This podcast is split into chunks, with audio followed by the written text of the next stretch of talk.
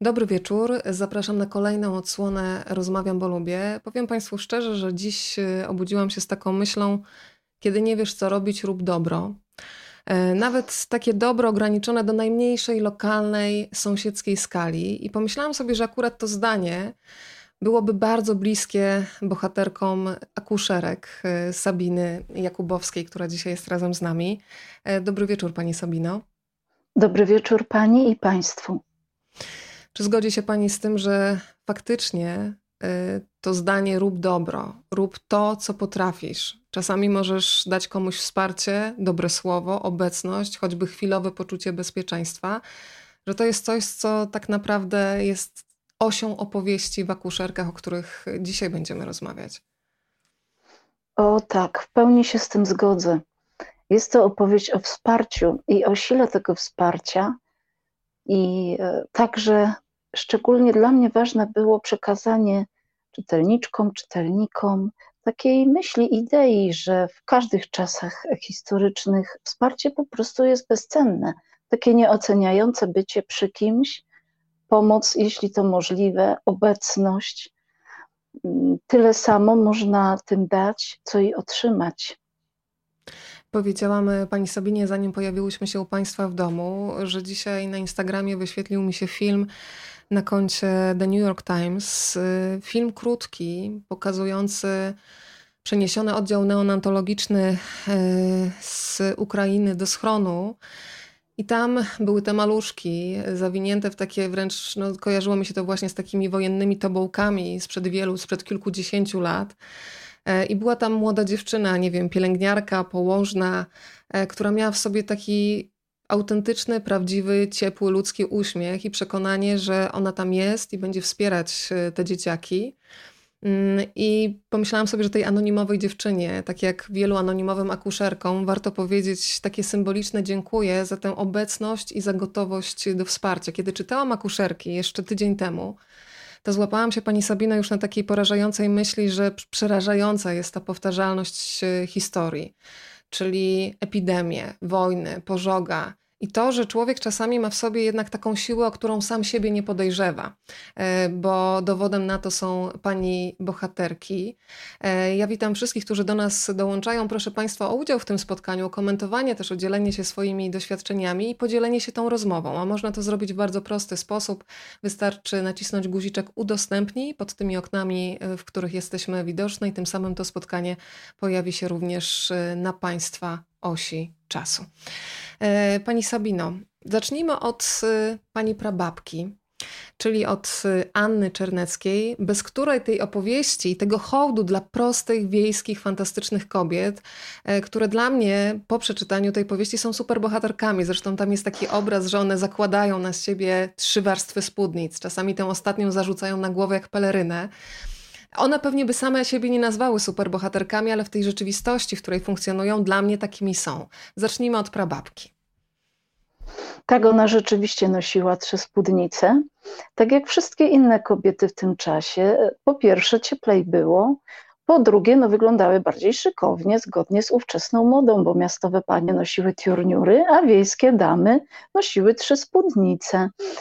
I to miało liczne zastosowanie. Właśnie tak, jako peleryna czasami też było zakładane na głowę, kiedy bardzo padał deszcz, no bo to była zazwyczaj wełna, a ona tak łatwo nie przemaka. Moja prababka pochodziła ze wsi Jadowniki mm, w Galicji wtedy, tak się to mówiło, koło miasta Brzeska, a miasto Brzesko jest e, stosunkowo niedaleko miasta Kraków. To już Państwo e, wiedzą, gdzie żyła Anna Czernecka. Jadowniki są taką specyficzną wsią, bo po pierwsze jest to wieś, która ma tysiąc lat z okładem. Po drugie, e, Villa Regia, czyli wieś królewska, i to dawało mieszkańcom takie duże poczucie dumy i godności. A po trzecie, no jak to w Galicji, mm, pola były malutkie i dzielone pomiędzy liczne potomstwo stawały się jeszcze mniejsze, więc mężczyźni, e, właściwie w każdej rodzinie był jakiś murarz, i ci murarze zwiedzali świat, e, zwiedzali, pracowali, wracali z pieniędzmi sezonowo, to była taka sezonowa praca. O jadowniczanach właśnie profesor Franciszek Bujak, e, słynny profesor z Uniwersytetu Jagiellońskiego, również lwowskiego, napisał, że oni są niespotykanie aktywni w porównaniu do innych mieszkańców Małopolski. I na tym tle, bo tu widzimy takie silne tło męskie, na tym tle pojawia się ona, kobieta, która w pewnym momencie postanowiła wyjechać do Krakowa i zapisać się do Cesarsko-Królewskiej Szkoły Położnych. Ta szkoła była prowadzona już od 100 lat, dawniej się nazywała Szkołą Babienia, bo na akuszerki, na położne mówiono baby, czy też babki, a na ich aktywność babienie. No ale w 1886 roku to już była Cesarsko-Królewska Szkoła Położnych, bo tak głosi napis w jej zeszycie, jaki się zachował od tamtej pory.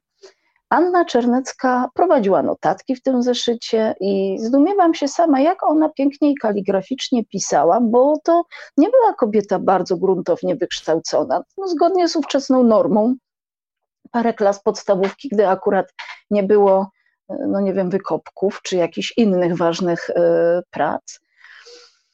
Anna Czernecka ukończyła tę cesarsko-królewską szkołę położnych i wróciła do domu z zeszytem, tym swoim skarbem, który w tym momencie jest moim skarbem. Czerpię z niego często i również został on w całości zacytowany w tej powieści akuszerki, tylko oczywiście fragmentami. Dzięki e, temu zeszytowi pewne rzeczy, pewne sprawy nabierają autentyczności i stylu i warunków, jakie wtedy panowały, zwłaszcza w położnictwie. No i myślę, że Anna Czernecka jest e, symbolem i taką forpocztą nowego pokolenia położnych, które były już trochę bardziej wykształcone niż te wiejskie e, położne akuszerki czy też baby, zazwyczaj będące samoukami, czy też samouczkami, to chyba nie pasuje, żeńska forma. Ta kobieta, moja prababka, Proszę sobie wyobrazić, że przyjmowała porody aż do 80 roku życia, a żyła lat 92. Starczało jej sił i energii, żeby wędrować przez jadowniki, a jadowniki są naprawdę dużą wsią i szeroko rozciągniętą. No, myślę, że też czasami furmanki po nią przyjeżdżały wozami, przy, przyjeżdżali ci y, mężowie rodzących, żeby czym prędzej przywieźć akuszerkę.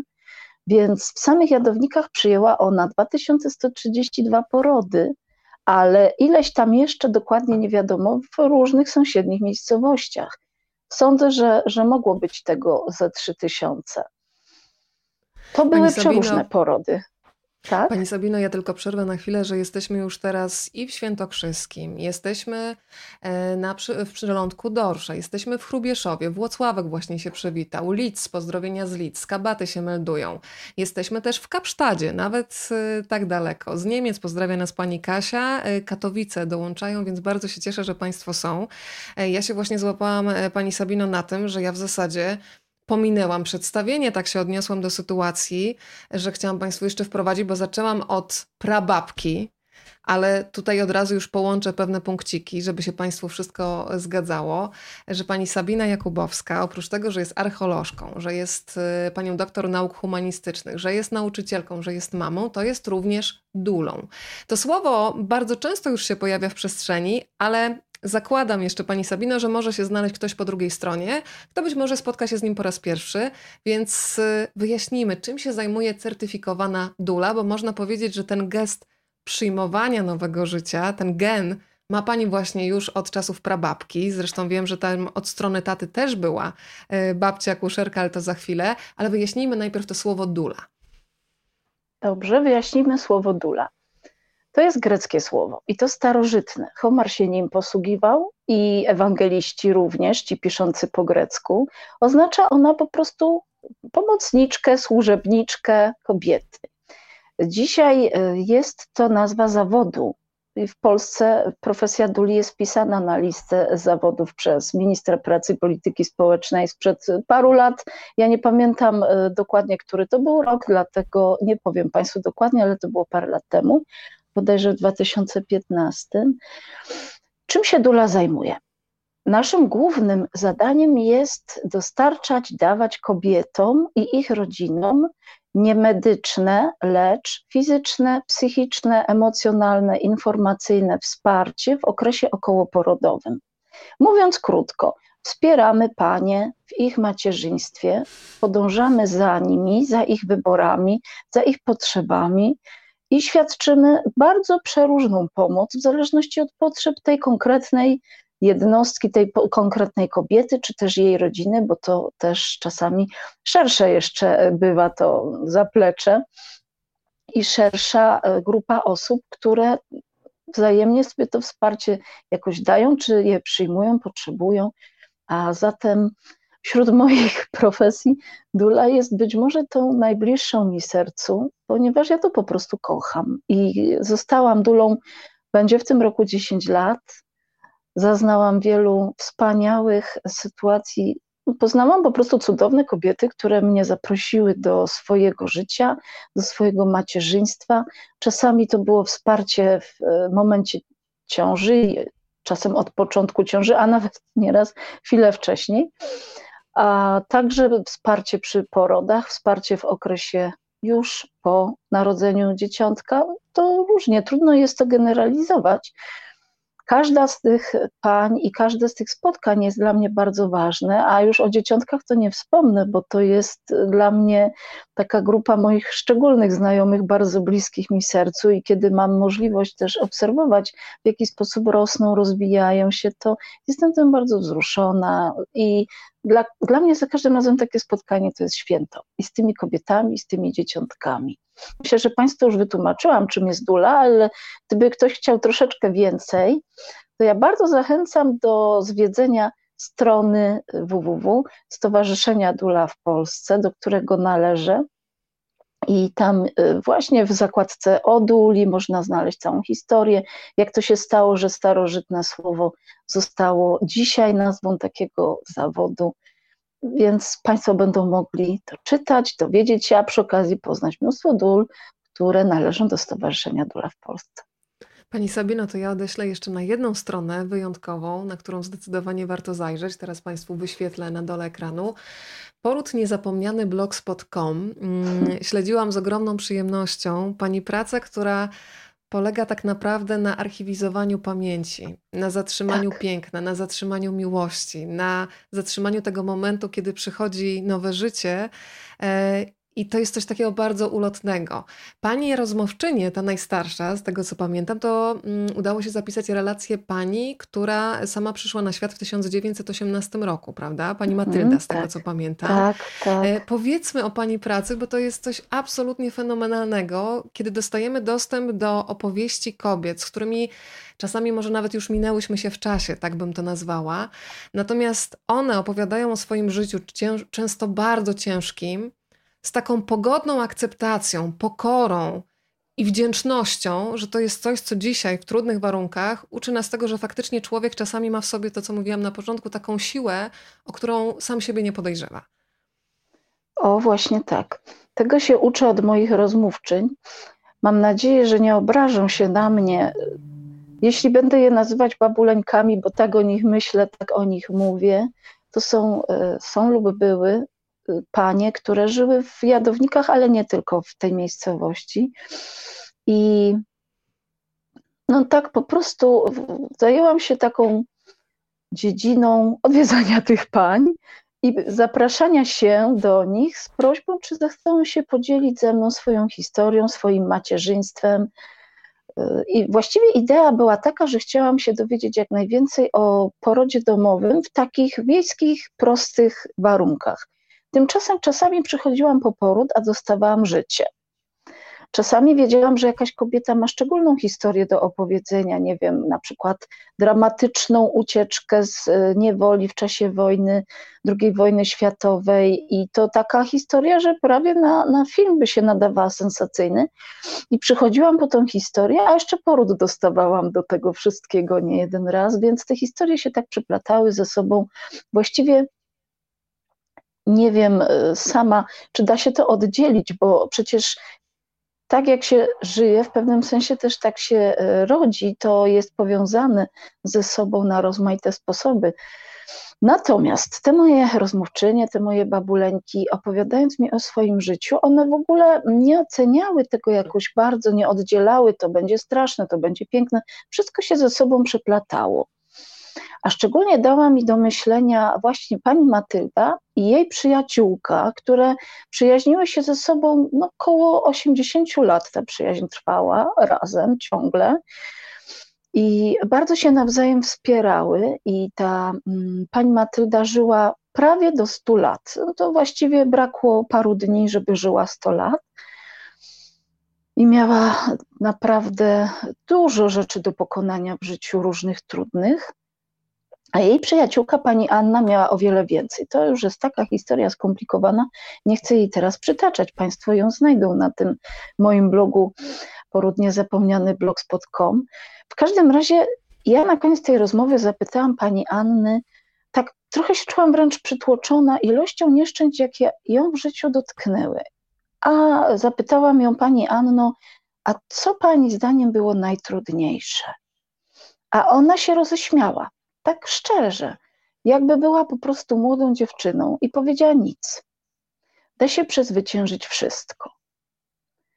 I wróciłam do domu bardzo podbudowana tymi słowami, tak naprawdę wzruszona i, i taka wzmocniona. Okazało się później, że to nie jest tylko moja reakcja, ponieważ wiele razy dostałam taką informację zwrotną od moich przyjaciółek, koleżanek, znajomych oraz pań, które były moimi podopiecznymi. Niektórych nawet osobiście nie poznałam, prawdę mówiąc, bo, bo czasami wspierałam kobiety przez telefon, czasami e, była to no, na fali mojej misji, żeby żadna kobieta z moich okolic nie została bez wsparcia, więc e, przez telefon w różnych warunkach i czasami te kobiety mówiły, że się mierzą z dużym, silnym lękiem, z, z różnymi takimi aspektami, no jak e, Myślę, że jeżeli teraz oglądają nas kobiety, które już są mamami, to na pewno rozumieją o co chodzi, że po prostu idziemy w nieznane na początku naszej drogi macierzyństwa i wtedy lęk bywa trudnym takim uczuciem. I ja nieraz, pierwszy raz po prostu tak mnie coś tknęło, żeby zaproponować jednej kobiecie, która doświadczała silnego lęku, a może chciałabyś poczytać jakieś bardzo pozytywne historie porodowe, znajdziesz je, podam jej kilka takich portali prowadzonych przez moje koleżanki Dule o pięknych porodach, o, o naturalnych porodach, ale ponieważ wiem, że że czasami e, to jest mało, no to powiedziałam, no i ja jeszcze prowadzę taką stronę bloga, gdzie gromadzę te archiwalne historie. I kobieta do mnie zadzwoniła po prostu zupełnie inna po paru dniach, mówiąc: Przeczytałam je wszystkie, przepłakałam i teraz jestem silna, bo jak one dały radę w takich warunkach, to ja też dam radę. I to nie była pierwsza i ostatnia kobieta, która mi tak powiedziała, tylko potem już wiedziałam, że być może w tych opowieściach jest jakaś taka moc, e, efekt wzmocnienia e, następował prawie u wszystkich takich te kobiety mi informację zwrotną posyłały, że dziękują. No właściwie to, to nie jest dla mnie podziękowanie, to na moje ręce tym babulenkom, które zechciały się podzielić i tutaj się pokazuje jeszcze jedna sprawa, jak wielka jest moc opowieści. I ile słowo i ile słowem można dać drugiemu człowiekowi dobroci, wsparcia, przykładu, właśnie takiego wzmocnienia. Ale jeszcze jedna sprawa, mi się tutaj unaoczniła. Ta sprawa się właściwie zaczęła kilka lat wcześniej na konferencji Fundacji Rodzić po ludzku, gdzie ja byłam wolontariuszką i spotkałam tam moją cudowną przyjaciółkę Basię Baranowską, która jest i embriologiem, i położną, i wykładowczynią na Uniwersytecie. Basiu, jeśli mnie słyszysz, ja cię serdecznie pozdrawiam. I Basia zastanawiała się, co jest e, silniejsze w pamięci ludzkiej po latach, kiedy ten poród odbywałby się w trudnych warunkach, na przykład wojny? Czy silniejsze będzie to poczucie zagrożenia, lęku, taka wysoka adrenalina w krwiobiegu, czy może właśnie oksytocyna, endorfiny, te wspaniałe hormony, które przyczyniają się do takiego euforycznego podejścia. No ja wtedy powiedziałam, to, to, to ja to sprawdzę w rozmowach z tymi kobietami. I kolejny z wywiadów przyniósł mi taką informację, jakie to niesamowite, jeśli kobieta doświadczyła porodu 70 lat wcześniej i opowiada o nim tak, jakby było to tydzień temu. Te jej emocje są świeże, nawet jeśli szczegóły się zatarły, to emocje absolutnie bardzo świeże.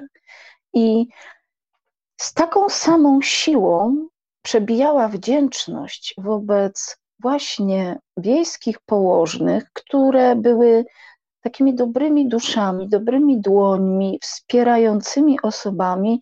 Nieraz to nie, nie trzeba było dużo pracy, nieraz to trzeba było po prostu w odpowiednim momencie powiedzieć odpowiednie słowa. No ale te kobiety czasami wyrażały też taki rodzaj, powiedzmy, żalu, niedosytu, przykrości, jeżeli ktoś je potraktował nie tak miło, może nawet wręcz przedmiotowo, bo ja tu zacytuję. Jedna z moich rozmówczyń powiedziała, że podczas wojny rodziła i była bardzo osłabiona. Rodzina wezwała lekarza, bo, bo już sama by nie urodziła. Lekarz podał jej lekarstwa, urodziło się szczęśliwie zdrowe dziecko, ale ten lekarz wychodząc powiedział: To nie tyś urodziła, to ja urodziłem, bo ja tu przy tobie wszystko za ciebie zrobiłem. I ta kobieta naprawdę miała łzy w oczach takiego, takiego żalu i autentycznej przykrości, no te 70 lat później, czy nawet więcej. Więc pomyślałam sobie wtedy, jakie to jest ważne, żeby osoby, które świadczą tą pomoc w okresie macierzyńskim, okołoporodowym, ale nie tylko. Jednak skupmy się na tym, żeby zważały na to, że ich słowa mogą być mogą być czymś, co przetrwa 70 lat. Już tych położnych czy lekarzy może nie być na świecie, a ktoś ich imię będzie wspominał z wielką wdzięcznością, albo właśnie przeciwnie. Dlatego ja tą myśl tutaj zostawiam z nadzieją, że to zawsze będzie tylko wdzięczność, bo to będą dobre sytuacje. Pani Sabino, tak. skoro Pani zwróciła uwagę na słowa, to ja przy tych słowach zostanę. Bardzo często w przestrzeni, samej też mi się to zdarzyło, zdradzę Państwu, że miałyśmy z Panią Sabiną próbę techniczną i bardzo dziękuję, że mi Pani na to zwróciła uwagę, bo ja już o tym pamiętam i jest to dla mnie ważne, naprawdę. Powiedziałam z rozpędu odebrać poród. I faktycznie, kiedy się zatrzymam, to to słowo odbieranie komuś, tak jak teraz pani opowiedziała, ten lekarz odebrał tak naprawdę kobiecie siłę sprawczą. Przecież w tak. porodzie dla mnie jest najbardziej fascynujący ten moment od takiego zagubienia, przerażenia też czasami fizjologią, do takiego absolutnego poczucia mocy, o którym wiele kobiet mówi już po tym, kiedy dziecko jest na świecie i mówią, że poczuły się po prostu, znam to akurat z opowieści też koleżanek, jak takie po prostu siłaczki, które mogą wszystko. To jest, mhm. ta metamorfoza jest piękna. I zwróciła mi Pani uwagę na to, przyjmujemy poród. I słowo przyjęcie od razu w mojej głowie uruchamia otwarte ramiona. Powitanie, celebrację życia. E, skupmy się na tym, jak e, często e, my w przestrzeni publicznej nie zwracamy nawet uwagi, a za tym jest taka moc, tylko trzeba się zatrzymać, żeby to usłyszeć i sobie nawet w głowie zwizualizować. Mm, zgadzam się z Panią bardzo. Dobrze, że nam na to wszystko zwróciła uwagę Fundacja Rodzić po ludzku w latach 90., kiedy wszczęła kampanię o ludzki poród. I wtedy właśnie dziewczyny z tej fundacji, później też dule ze Stowarzyszenia Dula w Polsce, naprawdę podkreślały to i uczyły te nowe dule, czy nowe położne, czy nowe wolontariuszki opieki okołoporodowej, no, że słowa mają moc. I wprawdzie związek e, frazeologiczny odebrać poród jest w polszczyźnie utrwalony od wieków i do, dość długo on miał takie neutralne zabarwienie, ale dzisiaj jednak czyta się go, czyta się ten zwrot trochę szerzej, trochę głębiej. A zatem widać tutaj różnicę między przyjąć poród takim, jakim on jest, z marzeniami tej kobiety, z jej preferencjami, z, z jego indywidualnym czasem trwania, e, uwarunkowaniami, no a odebrać, czyli postąpić troszkę według sztampy, według procedur, zabrać kobiecie jej decyzyjność, podmiotowość, no tego nie chcemy, prawda? I dlatego ja tutaj bardzo uprzejmie proszę, żeby wszyscy nasi szanowni słuchacze od tej pory mieli to na uwadze, że to jest właśnie zwrot, którym też przekazujemy kobietom wsparcie, używając zwrotu o przyjmowaniu porodu. Ja teraz pokażę Państwu akuszerki, ich e, potęgę, również jeżeli chodzi o objętość. 700 stron, nawet ponad 700 stron. Od razu mam dobrą wiadomość dla Państwa, że dzisiaj akuszerki też będą szukać dobrych domów, więc proszę szykować swoje biblioteczki. Bardzo się cieszę, że wydawnictwo Relacja e, wyposażyło mnie dzisiaj w taką rolę dobrodziejki. E, o tych konkursowych egzemplarzach powiem później, pod koniec naszego spotkania. Natomiast powiedzmy Pani Sabino, jak e, po jakiej osi czasu my się przesuwamy, czytając książkę. E, te 700 stron sprawia też, że człowiek bardzo mocno się zaprzyjaźnia z e, bohaterką, bardzo mocno się z nią wiąże emocjonalnie i faktycznie ta saga rodzinna, no to jest bardzo duży obszar czasowy, jeżeli mogę tak powiedzieć, więc zaczyna się wszystko pod koniec wieku XIX, do którego momentu prowadzi pani czytelnika od 1885 do 1950. I to jest, y, przedstawmy też może główną bohaterkę. Ja dzisiaj będę się pilnować, y, żeby za dużo nie zdradzać, bo to jest przyjemność odkrywania tej historii. Zresztą przyjemność tak samo warstwowa jak te spódnice wiejskich kobiet, od których y, zaczęłyśmy. Dzisiaj na pewno będziemy zwracać uwagę na język, na regionalizmy, na przesądy, na przysłowia, na słowa, które gdzieś zniknęły z naszej przestrzeni, a przecież tak pięknie ją ubogacają. Ja przyznaję, że kilka słów sobie wrzuciłam do swojego współczesnego słownika, e, więc powiedzmy trochę o Franciszce, Franciszce Diabelec, która bardzo szybko staje się no, taka bliska naszemu sercu. Franciszka Diabelec jest młodą dziewczyną. I może warto tutaj podkreślić, bo pani zaczęła e, od pytania o moją prababkę Annę Czernecką. Rozróżnijmy. Ja w tej powieści bardzo pracowicie wymieszałam postaci fikcyjne i prawdziwe. Anna Czernecka jest prawdziwa, Franciszka Diabelec to jest postać, która urodziła się w moim umyśle i jest ona i cała jej rodzina grupą bohaterów fikcyjnych.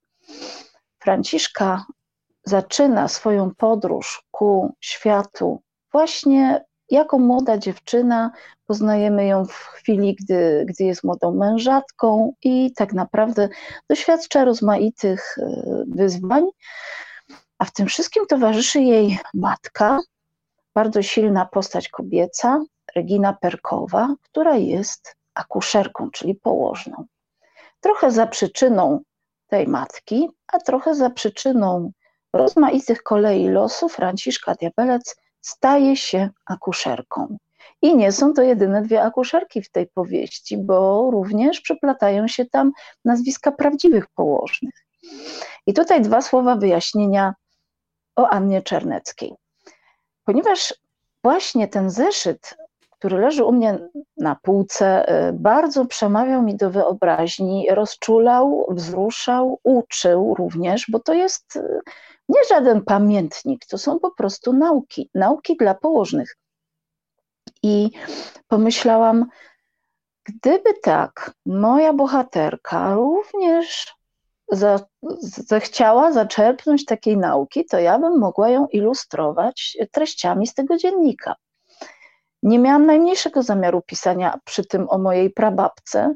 Nie chciałam powieści biograficznej, no ale jednak prababka bardzo mocno oddziaływała na moją wyobraźnię i mo mogę powiedzieć, że wkręciła się mi do powieści jako taka postać e, troszkę drugoplanowa, może trzecio albo piątoplanowa, w każdym razie ona tam jest.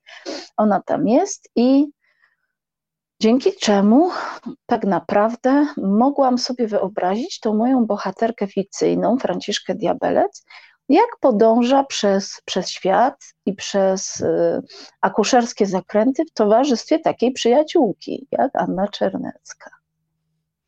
Ja się bardzo cieszę, że ta szkoła cysarsko-królewska położnych, która hmm. funkcjonowała w Krakowie, pojawia się w tej powieści, bo to też pokazuje taką fantastyczną właściwość wiejskich kobiet, które poznajemy, przynajmniej części z nich, taka świadomość, że nauka może przynieść narzędzia i jakby wyprowadza nas też ze stanu bezradności, czyli z tej bezradności wynikającego często z niewiedzy, można y, przejść do działania. Inna sprawa, że bazą dla tych bohaterek jest tak naprawdę empatia. One nawet mogą nie znać tego słowa, jego znaczenia, ale one są uosobieniem tej empatii. Tak naprawdę na tym budują y, swoją wiedzę, ale ten instynkt, ta wrażliwość, taka bardzo prosta, to jest coś, od czego zaczynają i bez tego żadna szkoła myślę, żeby nie pomogła. I to jest niezwykłe, że pani to potrafi połączyć.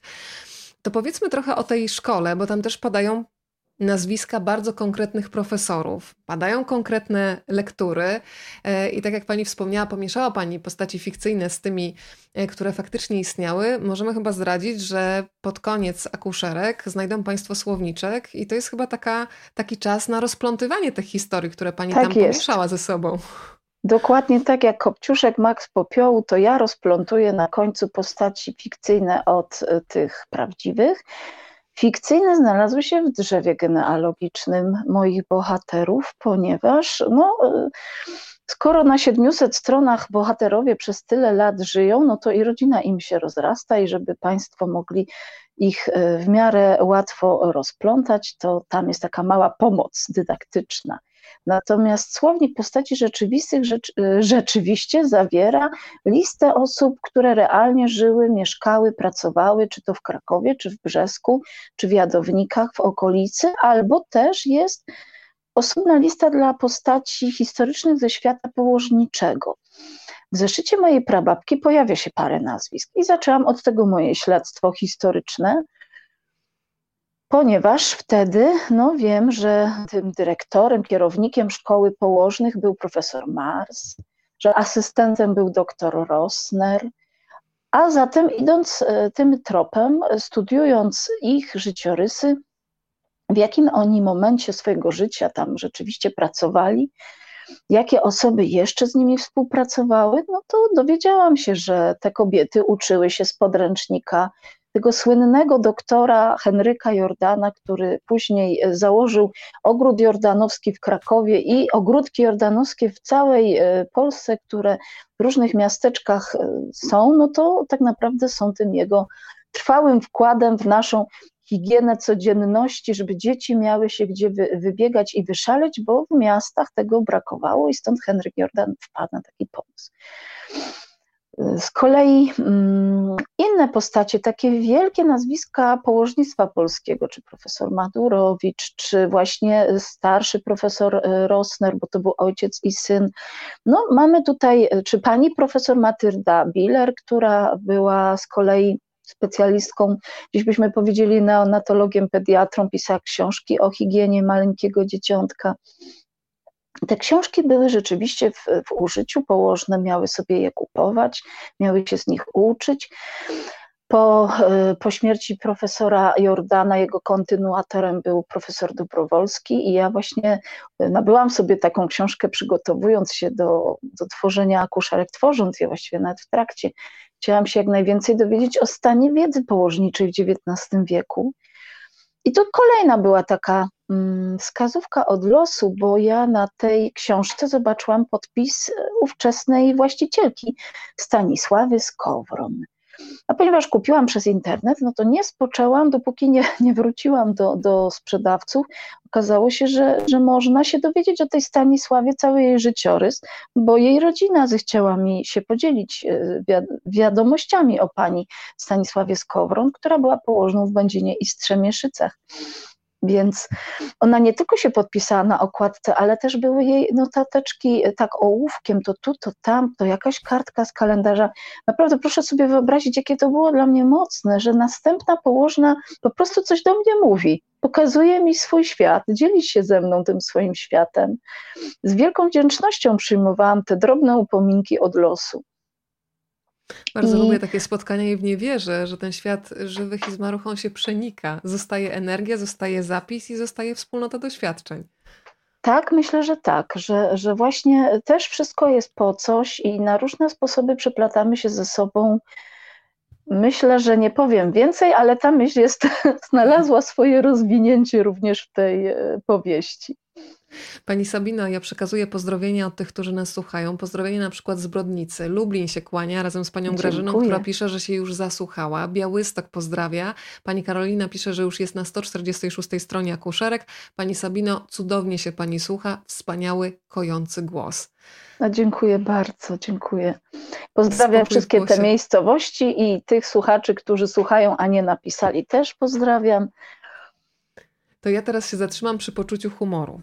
Ono jest bardzo ważne w, w tej książce. Zresztą bohaterki, gdyby użyć takiego wiejskiego języka, potrafią być pyskate. Mają taki cięty język. Szybka riposta to też jest coś, czym się świetnie posługują. E, to zanim przejdę do bohaterek fikcyjnych, to jak w tym przekazie rodzinnym, jak wyglądała ta opowieść, która się zachowała o pani prababce Annie Czerneckiej? Czy ona też y, była taka wygadana. Dzisiaj byśmy powiedzieli Oj, wyszczekana. To jak to było? Nie, nie, to nawet jeszcze nie było to. Ona była bardzo cięta. I znów wracamy do tych moich babuleniek, które mi ono, o niej opowiedziały. One mi ją oddały taką, jaką była w ich oczach. A ona była osobą, która je przyjęła na świat, nieraz ich rodzeństwo i pamiętały ją po prostu, pokazały mi ją, chód, wejrzenie, loczki, chustę, opowiedziały mi ją taki kolorowy sposób, że nagle ją zobaczyłam. I Anna Czernecka była znana z takiego ciętego języka. Ona była znana z tego, że niektórzy ludzie to, to się bali tego, jak im dogada. Historie, które ja pokazuję w akuszerkach z udziałem Anny Czerneckiej w bardzo wysokim stopniu są prawdziwe, to znaczy o ile mogę nazwać je prawdziwymi, bazując na przekazie ustnym, ale myślę, że nikt z tych osób nie miał na celu konfabulować, tylko no, to są historie, zresztą z kilku różnych źródeł e, je usłyszałam. Ja tylko tutaj e, może po prostu podpowiem Państwu, że i historia e, zawarta w ostatnim rozdziale, jak Anna Czernecka żegnała się ze światem, taki właśnie też specyficzny sposób. I wcześniejsza historia, jak cóż, w jaki sposób głosiła ona specyficzną wiejską antykoncepcję z takim ciętym poczuciem humoru, to, to są historie prawdziwe. I książki, o których ona tam mówi, właśnie ten Van de Velde, seksuolog niderlandzki, to również była książka, która była dostępna, obecna w naszej rodzinie, właśnie na wsi, książka z rycinami to po niemiecku, więc to też pokazuje taką specyfikę. Tutaj praca na roli, trzy spódnice, wielka kraciasta chusta na plecy jako no właśnie, wykończeniówka y, tego stylu, prawda? Jakaś chusteczka na głowę. Tutaj zwróćmy uwagę, skoro już malowniczo je sobie wyobrażamy, że jak był Wielki Post albo Adwent, to absolutnie chusteczka musiała być ciemna, a jeżeli była na przykład Wielkanoc, Boże Narodzenie czy lato, no to mogła być jasna czy też kolorowa, ale ten Wielki Post musiała być ciemna. Więc y, Państwo, jak wyobrażają sobie te położne, dziś mamy Dziś mamy ostatki, jeszcze są ostatki, no to, e, no to właściwie te chusteczki byłyby kolorowe. Mm, jakieś kaftany, jakaś zapaska, czyli fartuch. W tym fartuchu były kieszonki i tam akuszerki nosiły czasami właśnie tasiemkę do podwiązania pępowiny, czy jakieś inne rzeczy, jakieś na przykład, nie wiem, zioła w woreczkach, mogło tak być.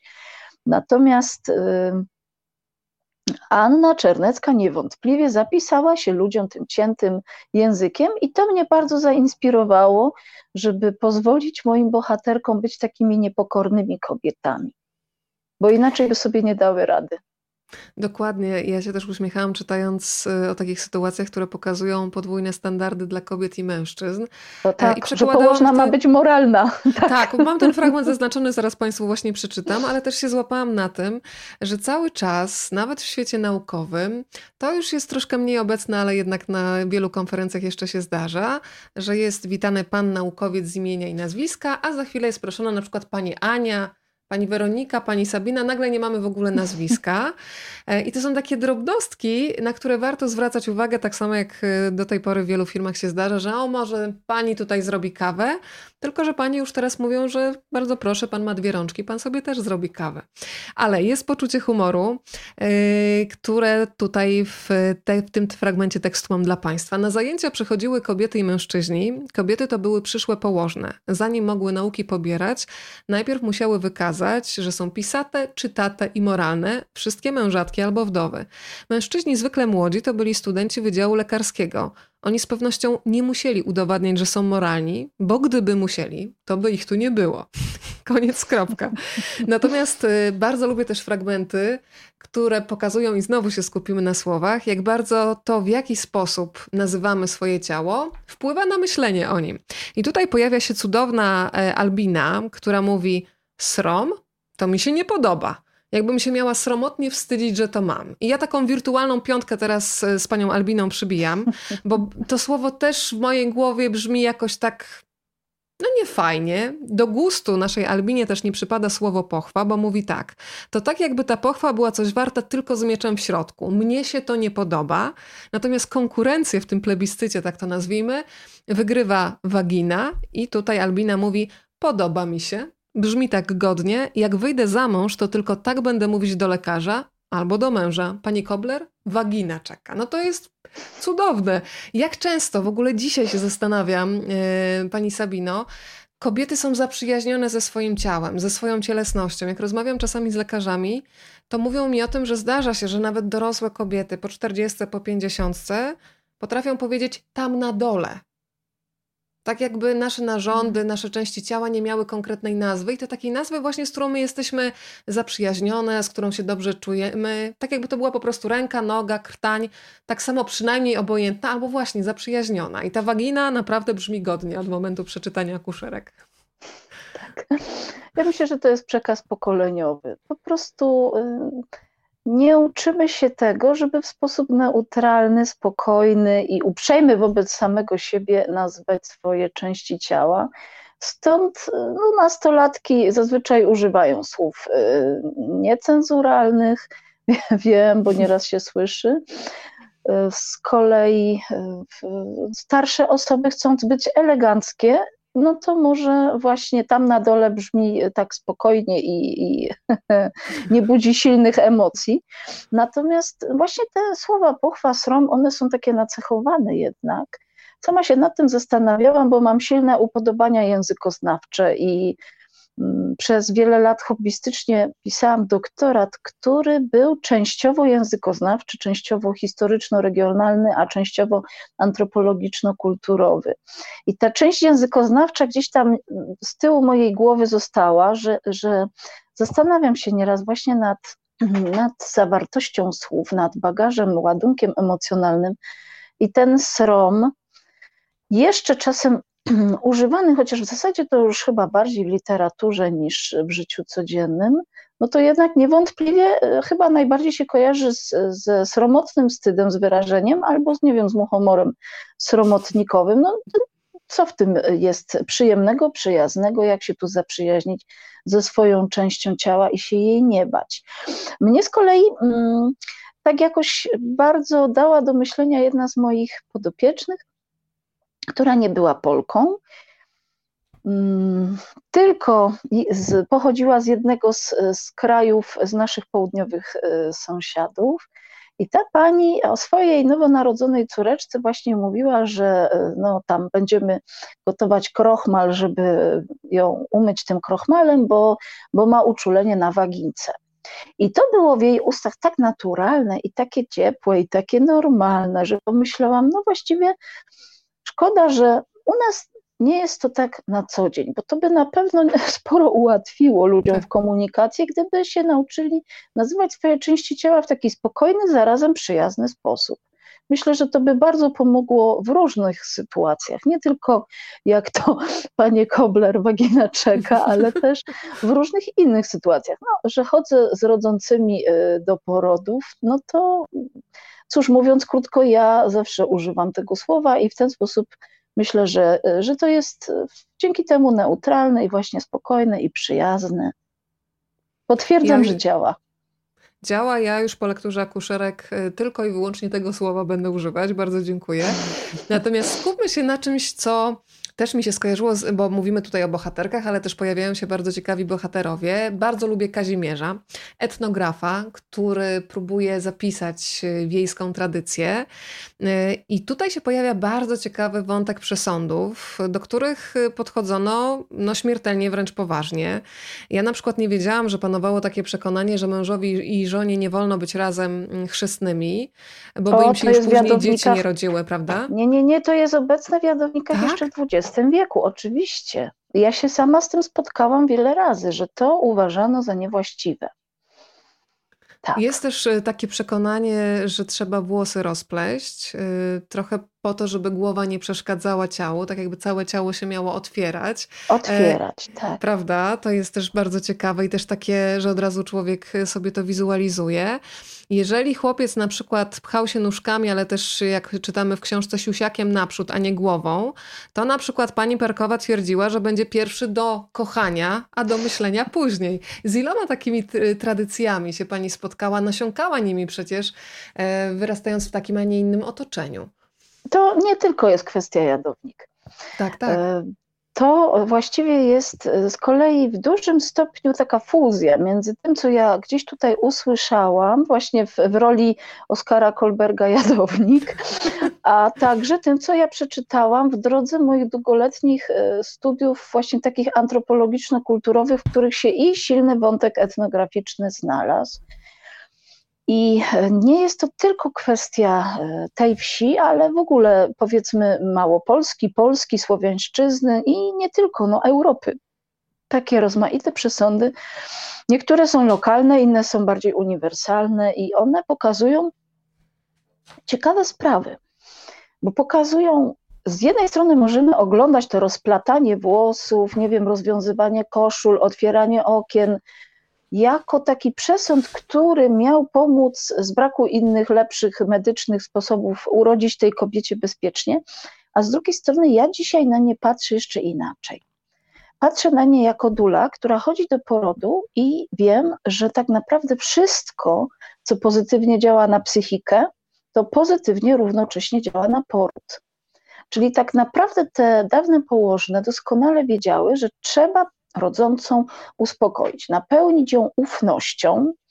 I możemy dzisiaj to rozplatanie włosów, odpinanie guzików w koszulach czy otwieranie e, okien uznać za taki symbol, taką wizualizację tego, co będzie się działo z tą rodzącą, kiedy ona się na to otworzy, pozwoli na to i to działało na głowę.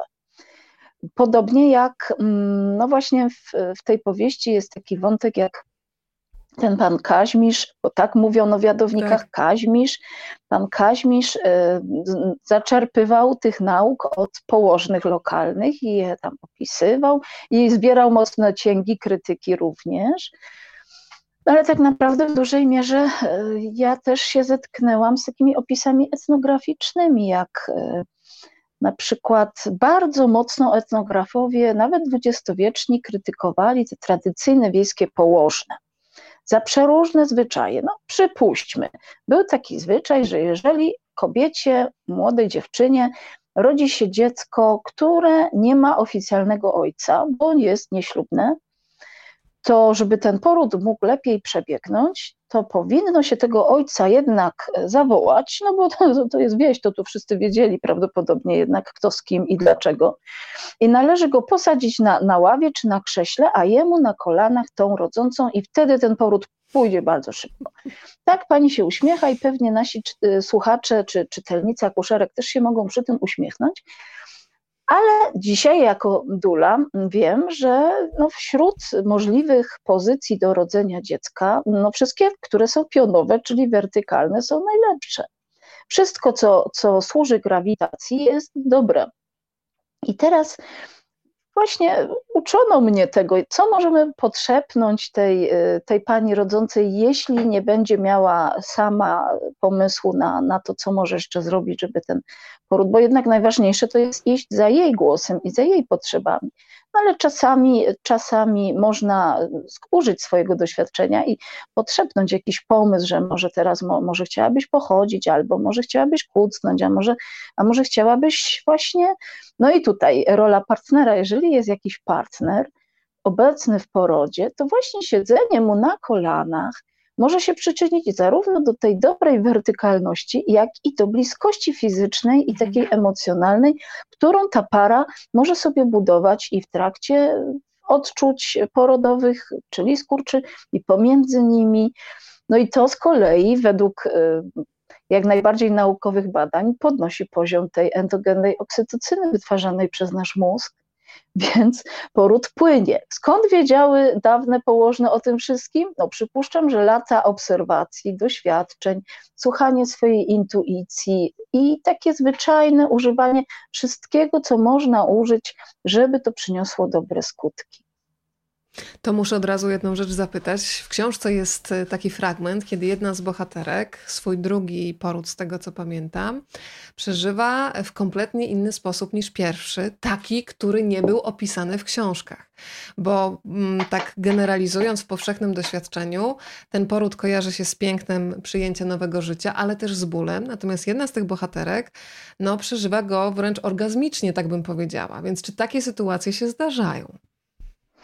Podobno się zdarzają. Moją pierwszą mistrzynią na drodze dulowania była Debra Pascali Bonaro, dula ze Stanów Zjednoczonych, może, może najsłynniejsza dula na świecie. I ona zasłynęła badaniami nad tym, że poród może być również dla kobiety źródłem wielkiej przyjemności no, nakręciła film pod tytułem Orgasmic Birth, także jak widać takie sytuacje są możliwe, tylko przypuszczam, że wymagają one no, naprawdę bardzo dużego stopnia otwarcia się na doznania z ciała i spokoju i nieprzeszkadzania tej rodzącej.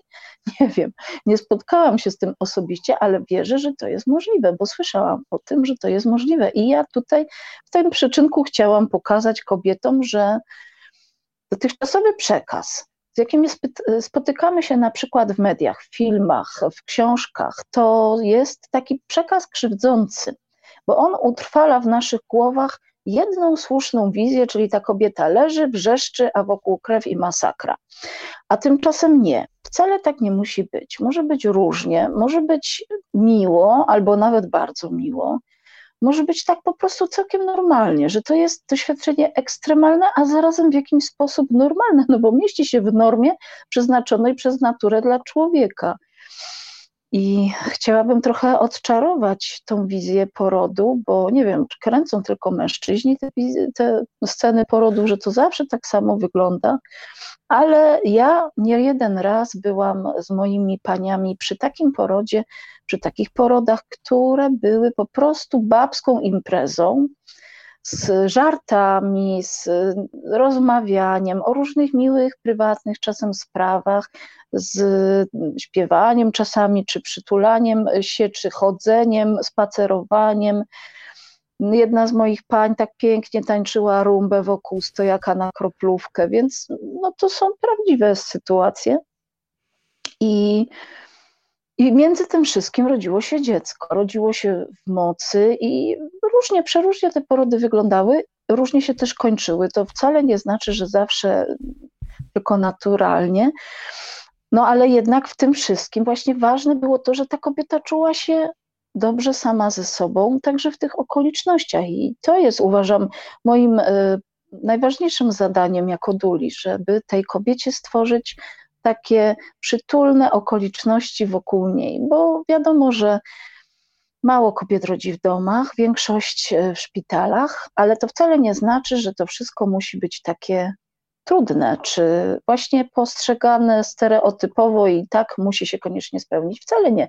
Może to być również miłe, przyjemne, dobre, nawet jeśli momentami oczywiście bywa też trudne, ale może być wspaniałe.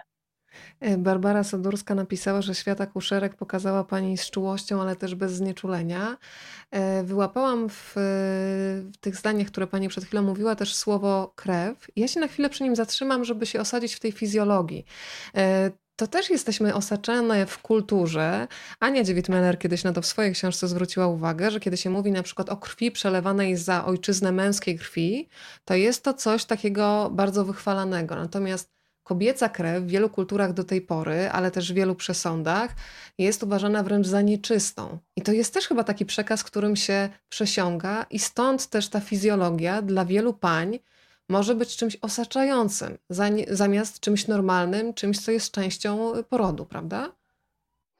Oczywiście, ale to się zaczyna już wcześniej. To się zaczyna w okresie dorastania, kiedy dziewczynki mierzą się właśnie z pierwszymi doświadczeniami menstruacyjnymi, i też często jest to taki przekaz e, właśnie bardzo wstydliwy i bardzo trudny. No, poród może w pewnym sensie jest kontynuacją tego, tego momentu.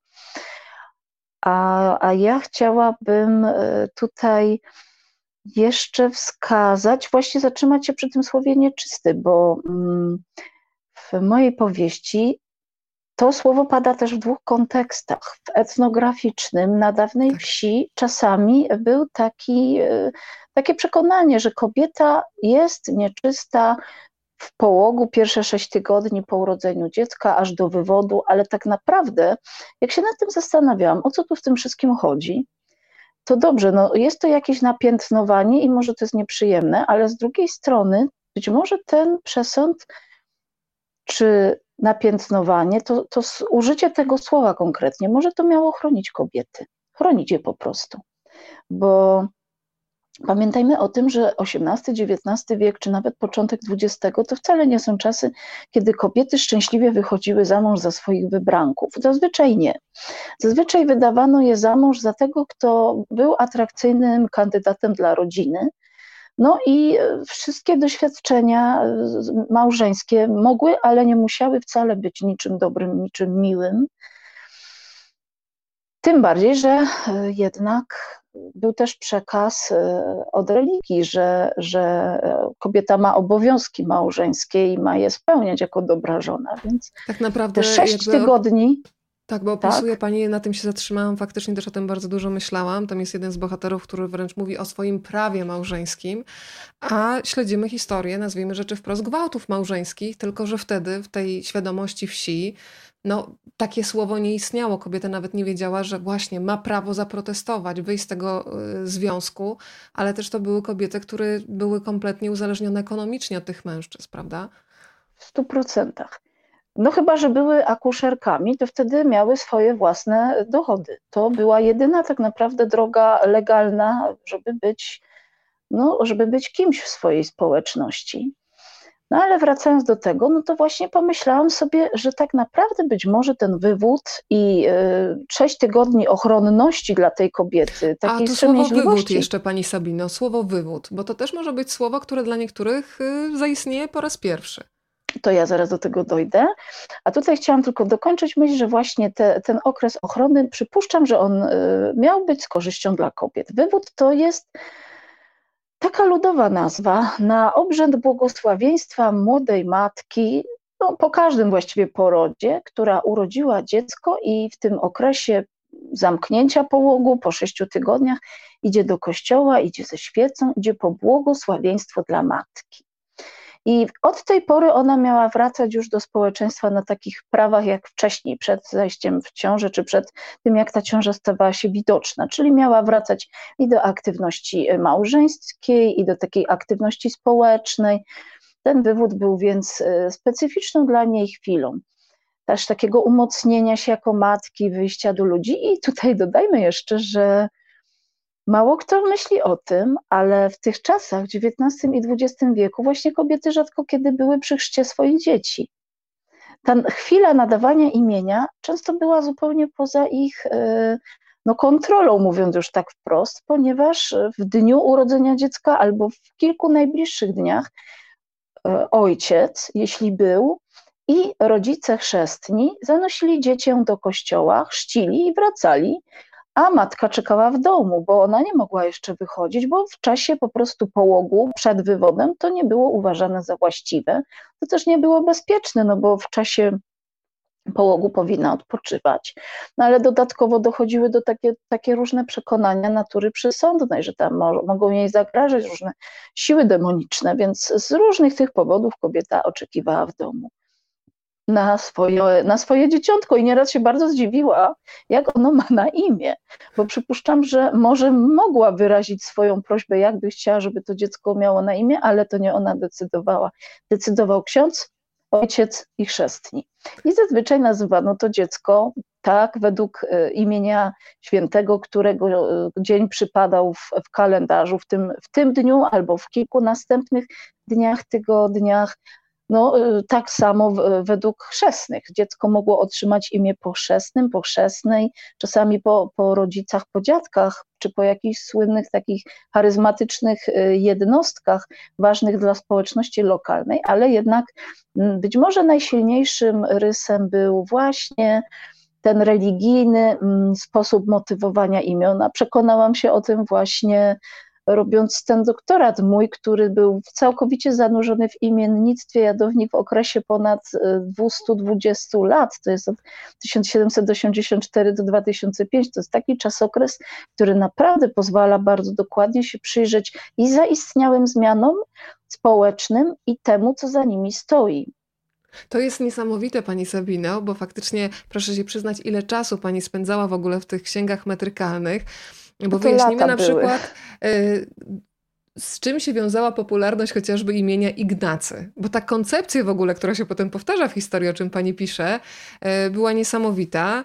Y, no, był taki pomysł wspierania wielodzietności i w zasadzie politycy chcieli być takimi ojcami chrzestnymi, no i mhm. był taki rodzaj motywacji, aż się zaczęłam zastanawiać, czy teraz, nie wiem, będzie wysyp Mateuszy za chwilę u nas, nie wiem, ale... Może ja tego nie będę komentować w teraźniejszości, Dobra. tylko właśnie w przeszłości. Jasne. Rzeczywiście e, prezydent Ignacy Mościcki, który był głową państwa w okresie międzywojennym, postanowił dowartościować takie wielodzietne rodziny, bo zważmy na to, że przecież był to czas, kiedy naród się demograficznie odbudowywał po I tak. wojnie światowej.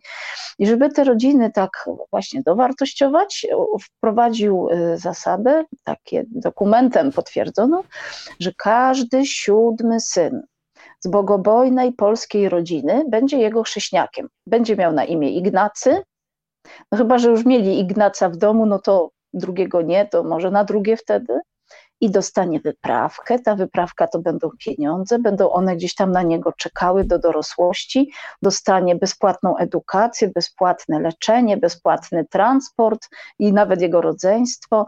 I takich chrześniaków prezydenta w Polsce było kilkuset, nawet może kilka tysięcy, ale nie możemy tego sprawdzić, bo niestety II wojna światowa dużo dokumentacji tutaj zniszczyła. Ta historia jest ciekawa, ale jej e, kontynuacja jest jeszcze bardziej frapująca, ponieważ do tej idei wrócił e, Bolesław Bierut, w pierwszych latach powojennych, kiedy on przez krótką chwilę pełnił urząd prezydenta Polski. A ponieważ Państwo na pewno wiedzą, kim był Bolesław Bierut i jaki był jego stosunek do Kościoła katolickiego, no to figurowanie przez Bolesława Bieruta księgach metrykalnych jako ojciec chrzestny, to to jest naprawdę ewenement.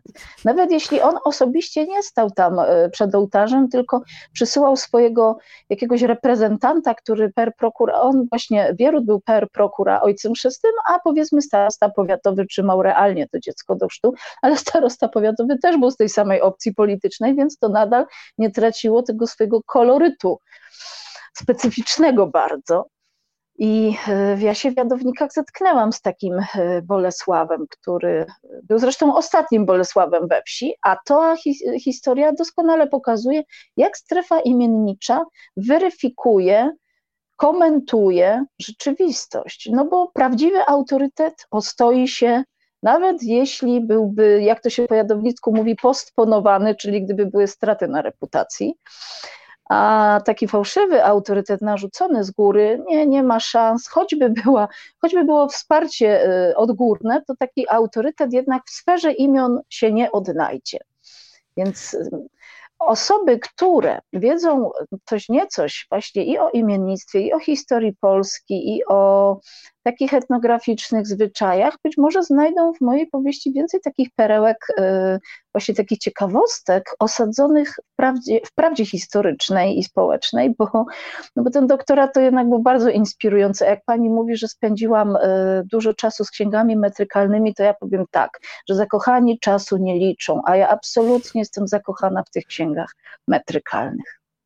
Ale to ja z taką radością też odkryłam, na to nigdy nie zwracam uwagi, więc dziękuję, że książka mi to uświadomiła, że bardzo rzadko w tych czasach, które pani opisuje, na wsi były Marie, były Marianny, były Maryny mhm. i to nie było przypadkowe. Z czym to było związane?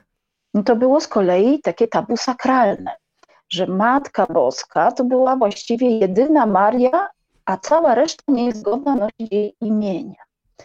I od czasu średniowiecza po troszeczku przełamywano to tabu na dworach królewskich, w, w takich rodzinach arystokratycznych. No, w, w XVIII-XIX wieku już szlachci, szlachcianki miały na imię Maria, ale chłopki nie. Zawsze to było pisane jako Marianna. No i owszem, one były Marysiami, ale w papierach było Marianna, bo nie były godne nosić imienia tej jedynej Matki Świętej. No ale tutaj chciałabym dodać, że my w Jadownikach to my mamy z kolei patronkę świętą Annę. I ta święta Anna to jest taką matką, babcią całych Jadownik, Mamy kościółek na Górze Bocheniec e, z, e, z XVI wieku, który jest e, na szczycie wzgórza, a zarazem w obrębie średniowiecznych bałów Grodziska, z czasów jeszcze prawdopodobnie państwa Wiślan. Niedaleko tego kościółka, w ramach tego kompleksu sakralnego, że tak powiem, jest figurka świętej Anny, samo trzeciej, która trzyma na kolanach Maryjkę i Jezuska, i ona jest dla mnie takim właśnie ideałem, prototypem właśnie takiej położnej czy duli, osoby, która się zajmie i tą matką, i tym dzieciątkiem. No a z tyłu za figurką świętej Anny jest źródełko z wodą, która z, podobno jest cudowna, i w Jadownikach od wieków ludzie pielgrzymują do świętej Anny. No i chyba nie będzie z żadnym zaskoczeniem, jak powiem, że to jest najpopularniejsze imię w Jadownikach z dziada, pradziada, czy raczej z babki, prababki, nadawane kolejnym pokoleniom praktycznie bez przerw. I ona ma tutaj takie silne umocowanie, i zarazem też mi to pokazuje tą potrzebę takiej silnej kobiecej postaci, która jest jakimś wzorem, jakimś takim, jakąś ostoją źródłem mocy.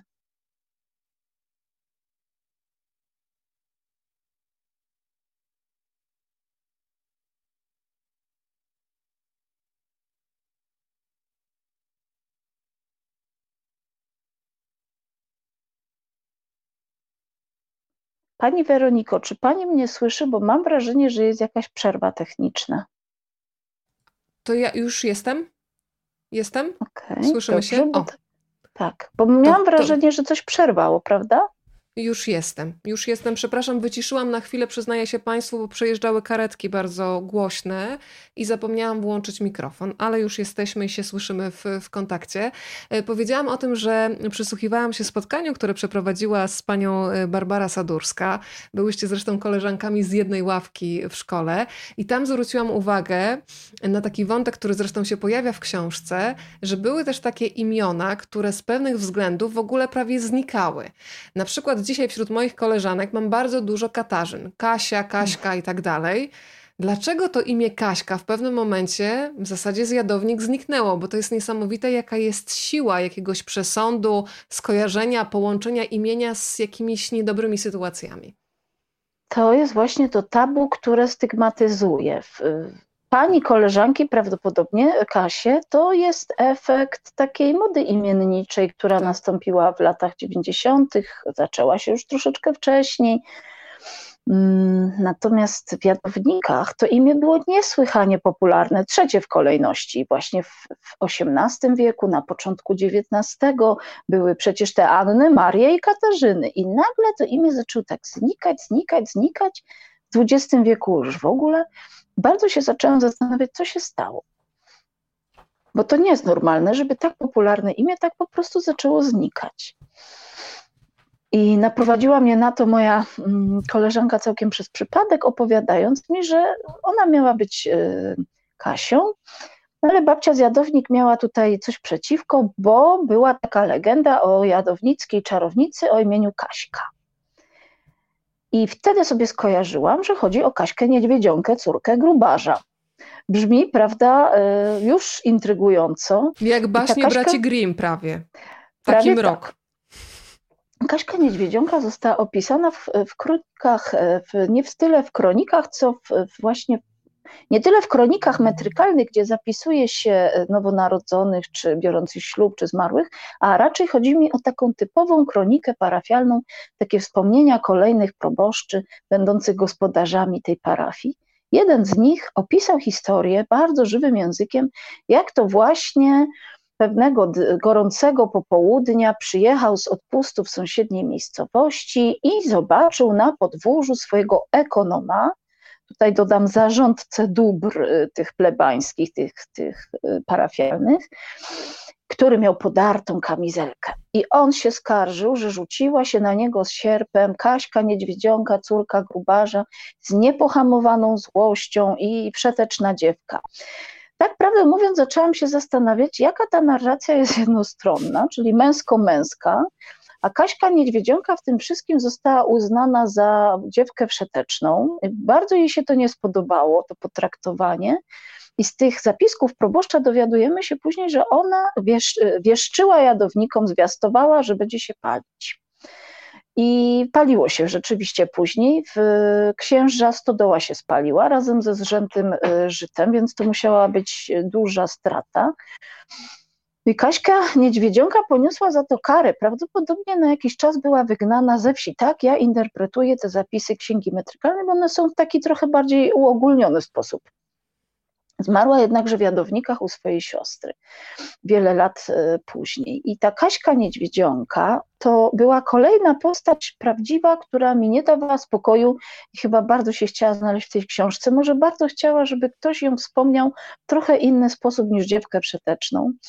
I właśnie w drodze, w drodze do tego doktoratu y, przebadałam też jej historię. To było takie prawdziwe śledztwo poprzez wieki, poprzez te źródła dostępne i takie różne poszlaki. Nagle się to wszystko zaczęło układać w taką ciekawą historię jak to wszystko mogło być, co z tą Kaśką. Tak jakoś postanowiłam zawrzeć tą historię, opowiedzieć ją dla pamięci przyszłych pokoleń i tych, no oczywiście najpierw tych obecnych, ale i może przyszłych, jak będą się chcieli dowiedzieć czegoś o tych dawnych jadownikach, to żeby było gdzie znaleźć, jak już nie będzie osób, które to rzeczywiście pamiętają, czy osobiście, czy od swoich, powiedzmy, bezpośrednich przodków, żeby ta historia, i to nie jest jedyna taka prawdziwa historia zawarta w tej powieści, która ma za zadanie trochę ubarwić, trochę przekazać, trochę uprawdopodobnić te realia wiejskie, trochę pokazać moim czytelnikom, jak naprawdę było i z czym się ludzie zmagają. E, tutaj panie Kasie, które są razem z nami, się uśmiechają. Ja dziękuję za oddanie tej sprawiedliwości, przede wszystkim oddanie w pewnym sensie głosu właśnie tej Kaśce, e, którego została pozbawiona w czasach, kiedy sama żyła. E, ja wrócę też do tego, że akuszerki to jest dla mnie też skarbnica bogactwa języka, melodii języka. E, zapisałam sobie na przykład takie słowa jak zrychtować sobie coś samodzielnie, wsmyknąć się przez wrota, wychędożyć, mhm. jest na przykład pan kutliwy, albo nie ma nad czym deliberować. No mhm. ale są też takie same mm, całe powiedzenia, takie dogadywanki, ale powiedzmy, co się na przykład y, kryło za powiedzonkiem Reginy Perkowej, koło szyje breweryje, koło dupy koło strzępy. dupy strzępy no to było po prostu obrazowe opisanie e, flejtucha, który na pokaz jest e, piękny, czyli to, co widać gdzieś tam przy głowie, koło szyi, no to breweryje, no to jakieś takie atrakcje powiedzmy, a, mhm. a koło dupy strzępy, no to chyba nie muszę tłumaczyć. No ale są tam też inne powiedzonka, takie na przykład wzięte z języka mojej własnej babci, i tutaj dodam, że moja babcia też nazywała się Anna Czernecka, ale to była synowa tej położnej Anny Czerneckiej.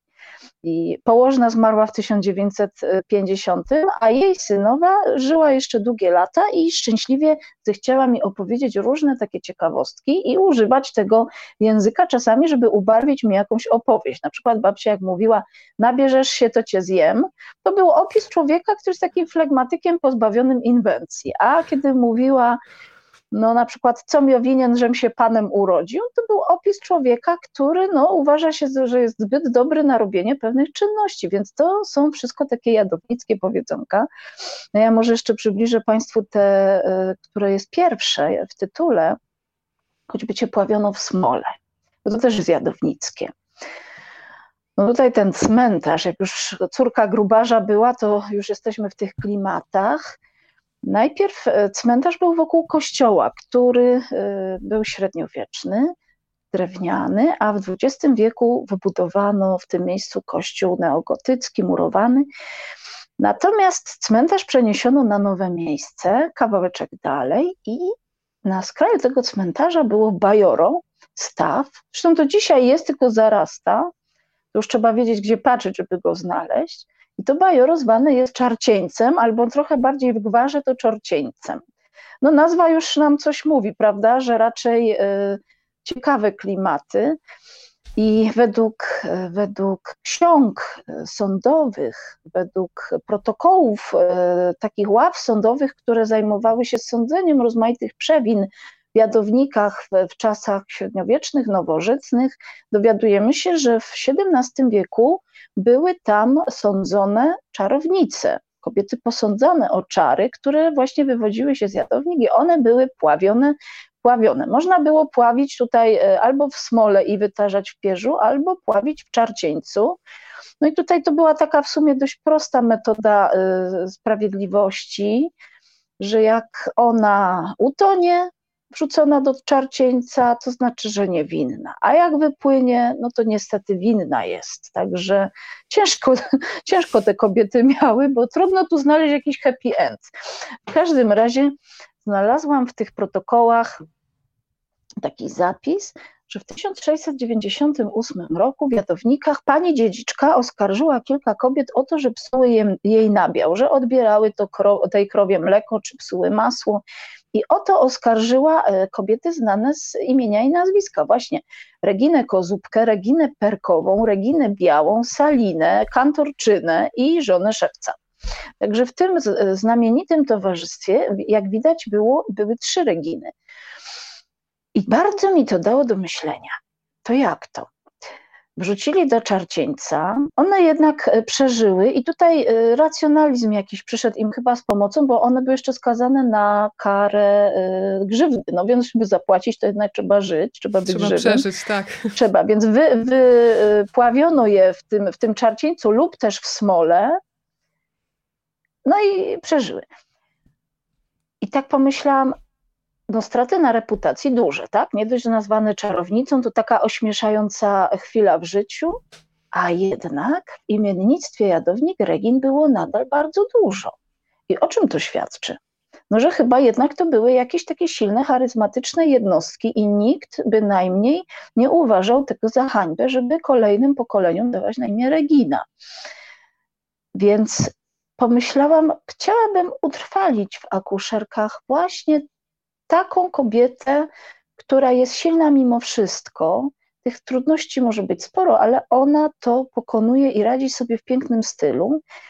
I właśnie e, to imię, to miano w całości Regina Perkowa, to z XVII wieku, tak mocno oddziaływało na moją wyobraźnię, że ja je sobie pożyczyłam. I matka głównej bohaterki nazywa się Regina Perkowa, podobnie jak jej pra, pra, pra, pra babka. No tutaj się odwołujemy do tej historii właśnie z Czarcieńca. E, padło pytanie jeszcze od pani Corneli. W wolnej chwili podczas rozmowy o książce proszę o informację, w jaki sposób powstał pomysł na okładkę książki. Od razu powiem, że za projekt okładki i opracowanie materiałów graficznych odpowiada pani Janna Florczak. E, to pani Sabino, ja poproszę o rozwinięcie tego wątku. Jaka była pani reakcja, bo to jest też zawsze bardzo ważny moment dla autorki, kiedy y, książka, czyli to, w co pani włożyła tyle serca, energii, pasji, dostaje to zewnętrzne opakowanie, które tutaj musimy się zgodzić, że jest piękne. E, państwo, kiedy już wezmą tę książkę do ręki, to też zobaczycie no, taki wzór, ta wyszywanka jest dla mnie takim też powrotem do czasów e, babcinego domu, gdzie faktycznie babcia miała nitkę, igłę albo jakąś mulinę i tworzyła różne takie obrazy, które właśnie w taki sposób powstawały. No to ja muszę tutaj Państwu powiedzieć, że przede wszystkim to okładka jest symbolem najważniejszego wątku tej książki, jakim jest miłość. Ponieważ w tej książce pojawia się wyszywana chusteczka jako dar serca. No nie zdradzę od kogo dla kogo, to już Państwo sami znajdą, ale ta chusteczka była właśnie symbolem. I mnie do tej chusteczki natchnęła prawdziwa chustka obecna w moim domu, chustka, którą właśnie posiadała moja babcia. I ta chustka, ja ją mam do dzisiaj. Ja ją czasem używam, noszę. Jest czarna. Wyszywana jest, jak Państwo sobie kwadrat wyobrażą, z, kwadrat z czarnej wełenki, taki akurat wielkości, żeby się dobrze na głowie wiązało to tylko jedna przekątna tej chustki jest wyszywana, a druga jest czarna, bo kobiety w jadownikach były praktyczne. Jak trzeba byłoby iść na pogrzeb, to się zakładało czarnym do góry, a jak paradnie, no to tym wyszywanym. I rzeczywiście ten wzór właśnie tych takich niezapominajek niebieskich, różowych na tej chustce jest. Ja bardzo prosiłam e, moją wydawczynię z grupy wydawniczej Relacja, czy jest taka możliwość, żeby na okładce zaistniał wzór kwiatowy z tej chusteczki, że mi bardzo na tym zależy, a cała reszta no to podług uznania artystki. I jak ja zobaczyłam tą okładkę, to po prostu to była dla mnie taka chwila radości i szczęścia, że to było tak, jakby, jakbyśmy się z Joanną Florczak, której nie znam osobiście, jakbyśmy się z nami wymieniały, bo mnie się tak marzyła właśnie taka okładka. No, nie myślałam o tym obrazie, jaki ona użyła do urozmaicenia jeszcze, jeszcze przekazu tej okładki. No, to jest jeszcze piękniejsze dzięki temu. Także ja jestem niesłychanie wdzięczna, jestem dumna, że mam taką okładkę i po prostu cieszy, cieszy moje oko spółki i po prostu za każdym razem jak słyszę, jak ktoś mówi, że jest piękna, to pozostaje mi się tylko zgadzać i przytakiwać. I jeszcze jest w środku ta piękna zakładka, której ja teraz y, używam przy czytaniu kolejnych książek, więc przynoszę ją, żeby były te kuszerki ze mną blisko przy każdej kolejnej lekturze. Za to też dziękuję. E, zatrzymałam się jeszcze Pani Sabino na takim fragmencie, który pokazuje z jaką pokorą do życia podchodziły też wiejskie kobiety.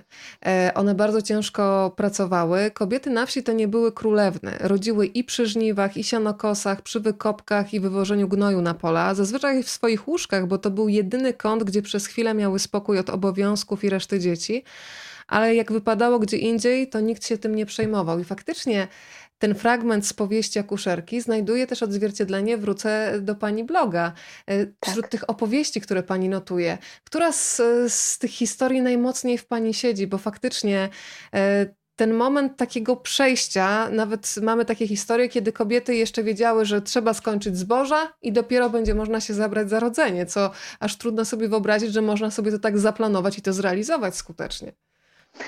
Nie, ja nie umiem wybrać jednej. One wszystkie są, one są, uzupełniają się, są jedną wielką, cudowną opowieścią z tymi prawdziwymi bohaterkami. I zarazem, oprócz tych powieści o macierzyństwie, zbieram też biografię dawnych położnych i to w jakiś sposób też się przeplata. Jeżeli pani pyta, żebym e, wybrała koniecznie jedną, to ja mogłabym wskazać na historię, która właśnie nie jest zjadownik, ale była to prababcia moich siostrzeńców, więc również e, w rodzinie. I ta pani opowiedziała mi, że jest córką akuszerki, jest córką położnej. I to ona mi opowiadała o tej swojej mamie i o jej losach. To było takie prawdziwe, to było takie autentyczne w tych dekoracjach wiejskich, w tym języku, przeżyciach, piękne bardzo mi to dało do myślenia, jak ona opowiadała prawdziwie, jak ta mama no, czasami szła za darmo do pracy, czasami z pola, e, to znaczy w sensie pracowała w polu i wołano ją, chodźcie, chodźcie, bo, bo tam rodzi któraś i ona zostawiała tą motykę, czy co tam robiła i biegła do tej, do tej kobiety rodzącej. I jak to czasami płacono jej garścią grochu albo czymś innym takim w naturze, a czasami ona jeszcze zabierała ze sobą prześcieradła, żeby tej rodzącej dać na poszewki, na powijaki dla maluszka.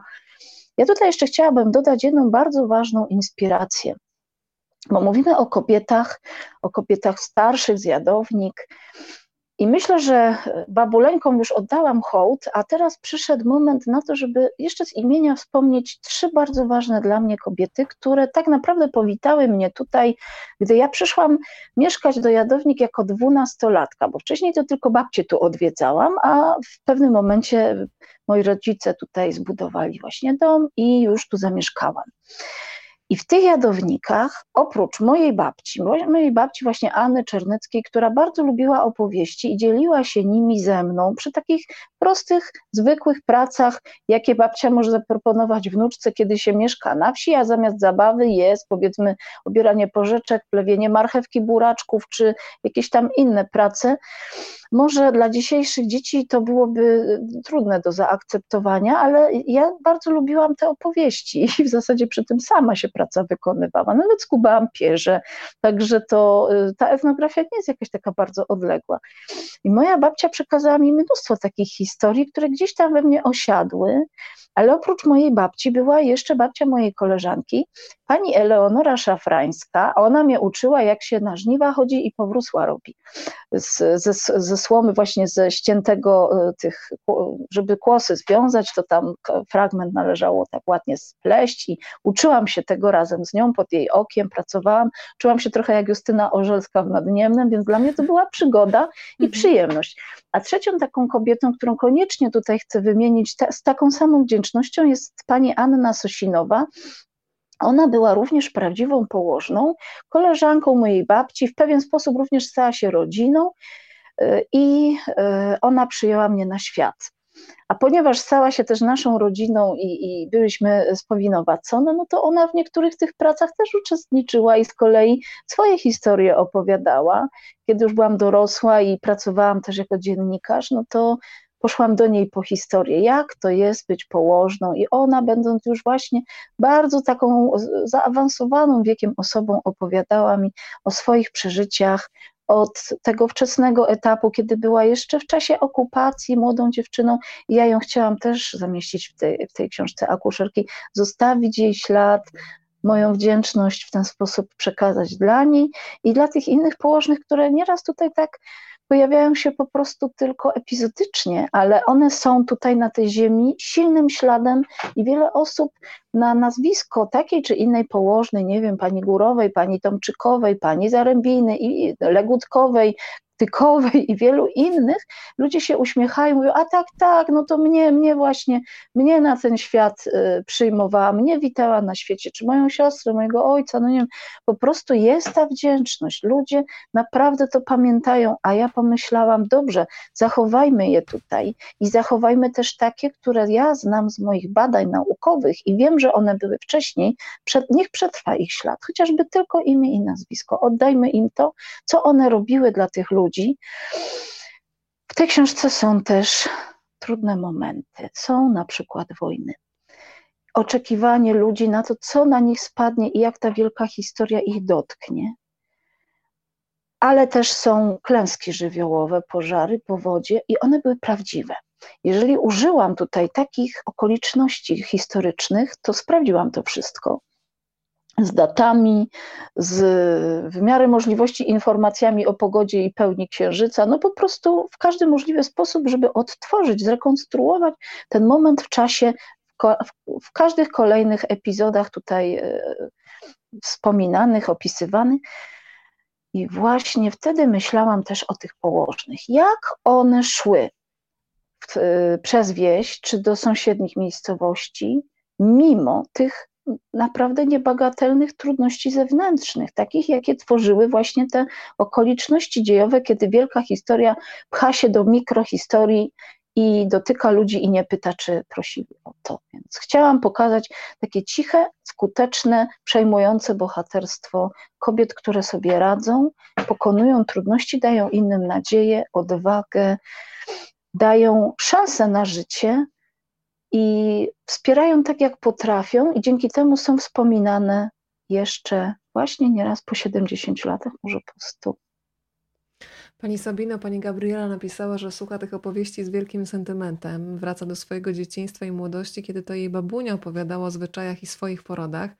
E, właśnie najpierw wykopała motyką w bólach 10 worków ziemniaków, poszła się myć i rodzić moją mamę, swoje piąte dziecko. Bardzo dziękuję e, za te emocje, więc przesyłam od razu pani Sabino te pozdrowienia i podziękowania. O, dziękuję. Ja też lubię te, to, że te położne w pani książce, akuszerki, one mają w sobie coś jednocześnie z takiego dowódcy, bo potrafią bardzo szybko poustawiać, kto co ma przynieść, kto wrzątek, kto rosół i tak dalej. Potrafią nawet to zrobić na dworze. Y, gdzie niektórzy próbują je przywołać do porządku, ale mają też z jednej strony tego dowódcę w sobie, ale też taką łagodność matki. Można powiedzieć, że one nawet tym matką matkują. Y, I jest taki fragment w akuszerkach, była cenioną w swoim fachu położną, a przede wszystkim wiedziała, że człowiek pod eleganckim płaszczem ma takie samo przyrodzenie jak pod sukmaną, tak samo się rodzi i tak samo umiera. E, to jest e, bardzo ważny też e, ten przekaz, ale bardzo lubię też ten rozdźwięk, kiedy nasze bohaterki idą do szkoły do Krakowa, uczą się coraz więcej, dowiadują się, że w ogóle istnieje coś takiego jak bakterie, wirusy, mm. mają już wiedzę i same mają świadomość, że opowiedzenie o tym na wsi no może się spotkać z różną reakcją, bo przecież tego nie widać. Jakie środki, jaka dezynfekcja? Tam były przyjmowane wódką, wódka na wzmocnienie, podniesienie adrenaliny, ale też wódka jako dezynfekcja, prawda? Więc yy, czy w notatkach pani prababki Anny Czerneckiej też widać było rodzaj jakiegoś zdziwienia wiedzą, która po prostu była czymś nowym, ale też ten rozdźwięk, jak zastosować tę wiedzę, jak to połączyć z warunkami na wsi, no, które nie były sterylne i, nie, i nigdy nie będą. W notatkach mojej prababki ta wiedza jest w stanie czystym i surowym, tak jak była podawana. To, że ona była, ta wiedza egzotyczna w jakimś sensie dla tej kobiety, dla mojej prababki i dla ich, jej koleżanek, które w tym dniu, w tych latach znalazły się w tej cesarsko-królewskiej szkole położnych w Krakowie, to ja wywnioskowałam po prostu analizując język. Bo jeżeli wszędzie z dużej litery pisze się niektóre słowa. Począwszy oczywiście od pana profesora, pana doktora, pana asystenta, pani nadpołożnej, tak, ale też panie uczennice, to taka nobilitacja ale też sposób, y, właśnie te medyczne nazwy. Medyczne nazwy często były pisane nawet w nieoczekiwanych momentach z dużej litery. Chociażby właśnie te nazwy środków odkażających, dawniej to się też czasami mówiło odwietrzające, czyli różne tam e, kwasy, e, kwasy karbolowe, sublimaty, kwasy borowe i inne substancje, które one miały umieć też wykonać. Jak one się uczyły o tych centymetrach, decimetrach, i to jest w taki sposób pisane, to widać, że to nie jest normalne słownictwo, jakim się ta kobieta na co dzień posługiwała, tylko no, przyswajała to. I tak kolejno w tych e, rozdziałach jej nauki, doszukiwałam się tam właśnie tego, że musiałaś się tego nauczyć od podstaw, jakichś takich narzędzi, które używano. To, co było na wyposażeniu położnej, to, to widziałam, czyli to nie jest taki bezpośredni ślad, tam nie ma jej zapisek takich od siebie, co ona o tym myśli, to bardziej ja, mając w ręku ten zeszyt, potrafiłam, tak mi się wydaje, że, że umiałam to wyczuć, co jest autentycznym zapisem jej, a co jest tym takim e, narzuconym przez szkołę, czym ona się dziwuje, jak to się tutaj mówiło, czyli no, tak. jest to dla niej coś, co musi sobie dopiero przyswoić. No niewątpliwie taki przekaz też był gdzieś, e, że te położne jak nie miały czym, e, no mycie rąk było podstawą, to było wiadomo, ale czasami się nie dało. No po prostu czasami się nie dało. No nie wiem, e, położna jeszcze w XX wieku mi opowiadała, że przyszła rodząca i ją poprosiła, czy nie rodząca, tylko kobieta, która chciała się dowiedzieć, czy aby jest w ciąży, czy nie jest. I z tym pytaniem przyszła do położnej, która kopała ziemniaki w polu. No to tak, nie mamy USG, nie mamy e, żadnych innych elementów, oprócz ewentualnie rąk lub oczu, bo położne też jednak potrafiły dużo zobaczyć. I ta położna ją w XX wieku, podkreślam, na tym polu y, oceniła, pocieszyła, że nie, nie jest w ciąży, bo akurat ta kobieta raczej się tylko lękała.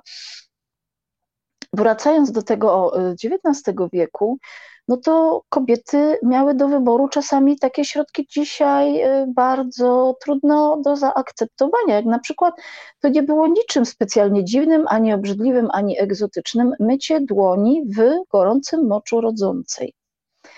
Ale choć to się wydaje trudne do zaakceptowania, spójrzmy na to właśnie z, z punktu widzenia nauki. No przecież to jest własna substancja fizjologiczna tej rodzącej, a zatem jeżeli za chwilkę położna będzie ją dotykać, no to czy jest tak naprawdę bardziej bezpieczna y, substancja pod względem bakteriologicznym niż jej własny, y, niż własny mocz tej y, rodzącej na dłoniach położnej? No oczywiście z punktu widzenia dzisiejszej higieny trudno jest to zaakceptować, ale w tamtych czasach przypuszczam, że to był całkiem dobry i skuteczny sposób, jak sobie poradzić, kiedy nie ma niczego. To prawda.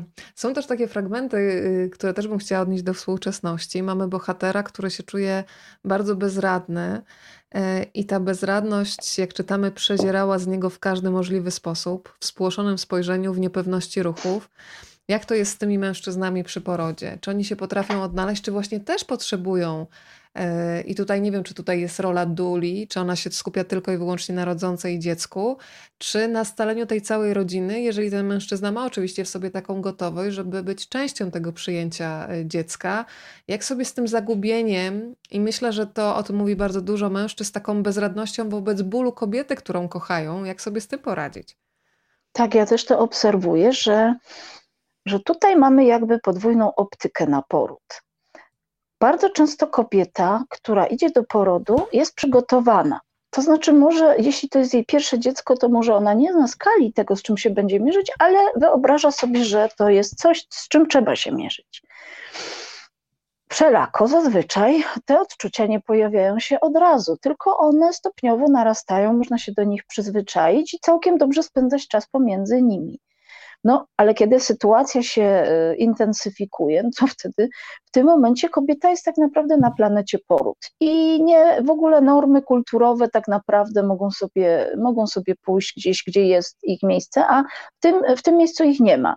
Czyli nie ma tak naprawdę tego, co wypada. Wszystko wypada, co tej kobiecie przynosi ulgę, tak? Jak potrzeba, żeby wokalizowała, śpiewała, nie wiem, mruczała, krzyknęła czasami, okej. Okay. Jak y, jest taki moment zwany czasem y, takim etapem kryzysu między siódmym a ósmym centymetrem rozwarcia, to kobiety często są wkurzone, no to nieraz przeklinają, chociaż na co dzień są mega kulturalne i w ogóle przepraszają między tymi przekleństwami, och ja przepraszam, że się tak brzydko wyrażam, ale potem na nowo, no bo to jest ta potrzeba chwili, to dla kobiety to jest ból, który jest akceptowalny, to mniej więcej porównywalne, jakbyśmy zdecydowały, że idziemy powiedzmy wysokie góry i faktycznie w pewnym momencie może nas zaboleć tu i tam albo brakować tchu, ale to akceptujemy, bo idziemy na ten szczyt, bo ze szczytu są piękne widoki, prawda? I ta kobieta też idzie na ten swój szczyt, żeby doznać nowych perspektyw, czyli zostać mamą, a mężczyzna tak naprawdę często nie wie tego. On widzi cierpienie i czuje się strasznie bezradny.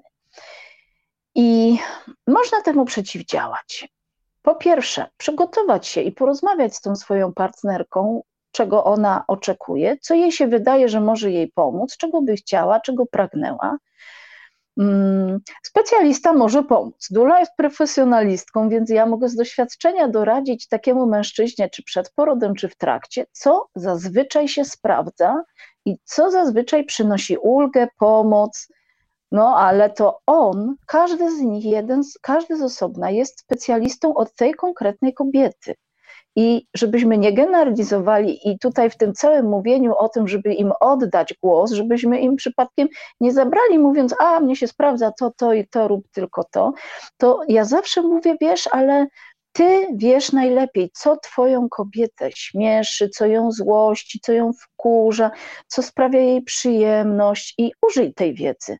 Bądź po prostu z nią, nie zwracaj uwagi na salę, jeśli jesteśmy w szpitalu, nie patrz na, na lekarzy, na położnych. W pewnym momencie w porodzie będzie tam e, parę osób więcej. Nie zwracaj na to uwagi. Bądź kimś, kto potrafi stworzyć taką atmosferę, jakbyś był powiedzmy zakochanym nastolatkiem i nie wiem, po dyskotece szkolnej odprowadzał swoją dziewczynę na autobus i stoicie na przystanku i jeszcze się całujecie, i mniejsza o to, czy tam ktoś stoi i się patrzy, tak? Czujesz. No i zazwyczaj oni już wtedy wizualizują sobie to, jak sami się czuli w takich momentach i potrafią bardzo często przełożyć to w chwili porodu właśnie na tą taką piękną, niesamowitą delikatność, intymność, taki moment tylko dla nich. Ja jestem bardzo wdzięczna, jeśli mężczyzna właśnie potrafi posłuchać tej porady i stać się kompetentnym specjalistą od tej jedynej ukochanej, która go zaprosiła do tego porodu i otoczyć ją swoim wsparciem właśnie w taki jedyny, swoisty sposób, czyli nie zwracać uwagi na to, co inni o nas pomyślą, nie przejmować się tym, bo przecież i tak się tego, drodzy Państwo, nie dowiecie, co inni ludzie o Was pomyślą. Nie przejmować się spojrzeniami, czy tam jakimiś nawet komentarzami, tylko być tą kobietą, być blisko, i być przy niej tak, żeby czuła, że ona jest, ma się na kim oprzeć. Miałam taką, y, jako dula ze stowarzyszenia, y, moim zadaniem jest też chronić prywatność każdej kobiety, która mnie zaprasza do macierzyństwa, każdej pary. Dlatego, chociaż ma się ochotę nieraz opowiedzieć coś e, przykładem, podeprzeć, no to nie bardzo, nie bardzo mogę, bo to nie byłoby w porządku. W każdym razie może powiem tak. Nie jeden raz widziałam taką sytuację, że umówiliśmy się z tą parą, z tym mężczyzną, że na przykład Określone metody będą dobrze działać, wspomagać poród. To mogą być pocałunki, przytulanie, łaskanie tej kobiety, stymulacja jej piersi, tak żeby było jej miło. I mówiłam temu mężczyźnie, może ci się to w tym momencie wydawać dziwne, ale jeżeli na sali porodowej położna ci to powie, proszę stymulować piersi, albo ja ci powiem, wiesz, zajmij się y, tą sprawą, a ja będę stała z tyłu i masowała krzyż tej twojej pani, to nie jeden raz ten podział obowiązków był po prostu wspaniały. Że ja wiedziałam, że ten mężczyzna patrzy w oczy swojej pani i on buduje tą atmosferę intymności, bliskości, że mniejsza o to, ile tam jest właśnie personelu i no a ja y, w tym czasie udzielałam wsparcia innego rodzaju, czyli właśnie tym dotykiem, masażem, i tą sytuację chciałam pokazać również w powieści, w takich wiejskich chatach. Bo jak wcześniej powiedziałam, większość tych kobiet sama sobie męża nie wybrała, ale niektóre może miały takie szczęście, albo po drodze zdążyły tego swojego męża polubić, albo ostatecznie uznały, że lepszy ten niż żeby, żeby mógł chociaż trochę pomóc, to niech przyjdzie i pomoże, skoro już yy, zrychtował to dziecko, prawda? Więc no więc właśnie ci mężczyźni też mieli za zadanie pomóc. No czasami to było przyniesienie wody ze studni i naciągnięcie jej, no bo jednak nie wiem, ile, ile osób z Państwa naciągało wodę ze studni, ale nie do końca to jest y, fajna aktywność w czasie porodu. I podobnie, żeby tą gorącą wodę mieć, żeby tej kobiecie, chociażby ją umyć, czy mieć już naszykowaną tą wodę, jak się noworodek urodzi, no to trzeba było mieć ją zagrzaną. Czyli mówiąc krótko, matematycznie, drewno do pieca, tak, trzeba je przynieść, trzeba rozpalić i możemy sobie wyobrazić, że jest piękna pogoda, ale jak jest wiatr, no to nie do końca fajnie. Jak jest wilgoć, to nie do końca tak szybko się to wszystko rozpali. Potem nosimy te wiadra ze studni, tak, wlewamy do garnków, garnki na piec, no i podgrzewamy. No to to jest bardzo ważna rola tego mężczyzny, żeby ktoś mógł zrobić takie zaplecze techniczne. Albo zająć się starszymi dziećmi, no nie wiem, pięcioro, dwanaścioro, różnie bywało albo zająć się y, gadziną w oborze, czyli tak nazywano czule w jadownikach właśnie jakieś krowy, konie, woły czy inne zwierzątka, kozy, kury, żeby jednak oporządzić te zwierzątka, a żeby się rodząca nie musiała tym martwić.